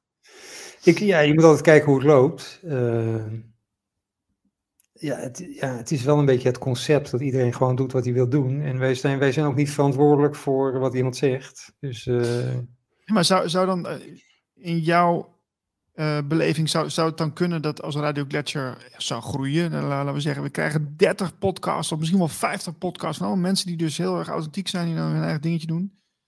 Dan, moet, dan zou jij dus dat allemaal moeten kunnen checken of kunnen controleren, anders dan weet je niet of het, of het zo klopt. Maar dat is, het is dan niet te doen. Dan zou dat dan veel te groot zijn. Ehm, nou, wij, wij zijn een beetje de ballotagecommissie toch ook. Dus eh, we, we voelen gewoon van ja, hebben we, hier goed, hebben we hier een goed gevoel bij of niet? Ja, ja. En, en zo niet, dan eh, moeten we denk ik maar niet doen. Nee, nee oké. Nou ja, ik, ik, ja, ik, zat, ik zat eventjes hard op te denken. Maar dat is nog niet, dat is niet, nog niet voorgekomen. Dus, eh, Nee, dat is waar. Dus, ik ben heel blij met alle mensen die wij nu eh, hebben, en, eh, of hebben, die iets voor ons doen, met ons doen. Het is toch taal, hè? Altijd moeilijk hebben. Ja, we hebben niks. Ehm, we gaan afsluiten. Tenminste, tenzij jij nog iets hebt, want ik moet eigenlijk wel zometeen nog ergens naartoe. Je mag altijd je, je demo insturen hè, als je een programma wil doen bij ons. Als je gewoon hè, je, eigenlijk je programma wil stallen bij ons, dan eh, kan dat. En dan eh, wekelijks, maandelijks, misschien jaarlijks. Dat maakt allemaal niet uit. Dus eh, stuur ons even een berichtje. info.radiogletscher.nl Volgende week zijn we er weer. Dank voor het kijken. Bye bye. Doei doei. Drie over twee. Oké. Prima.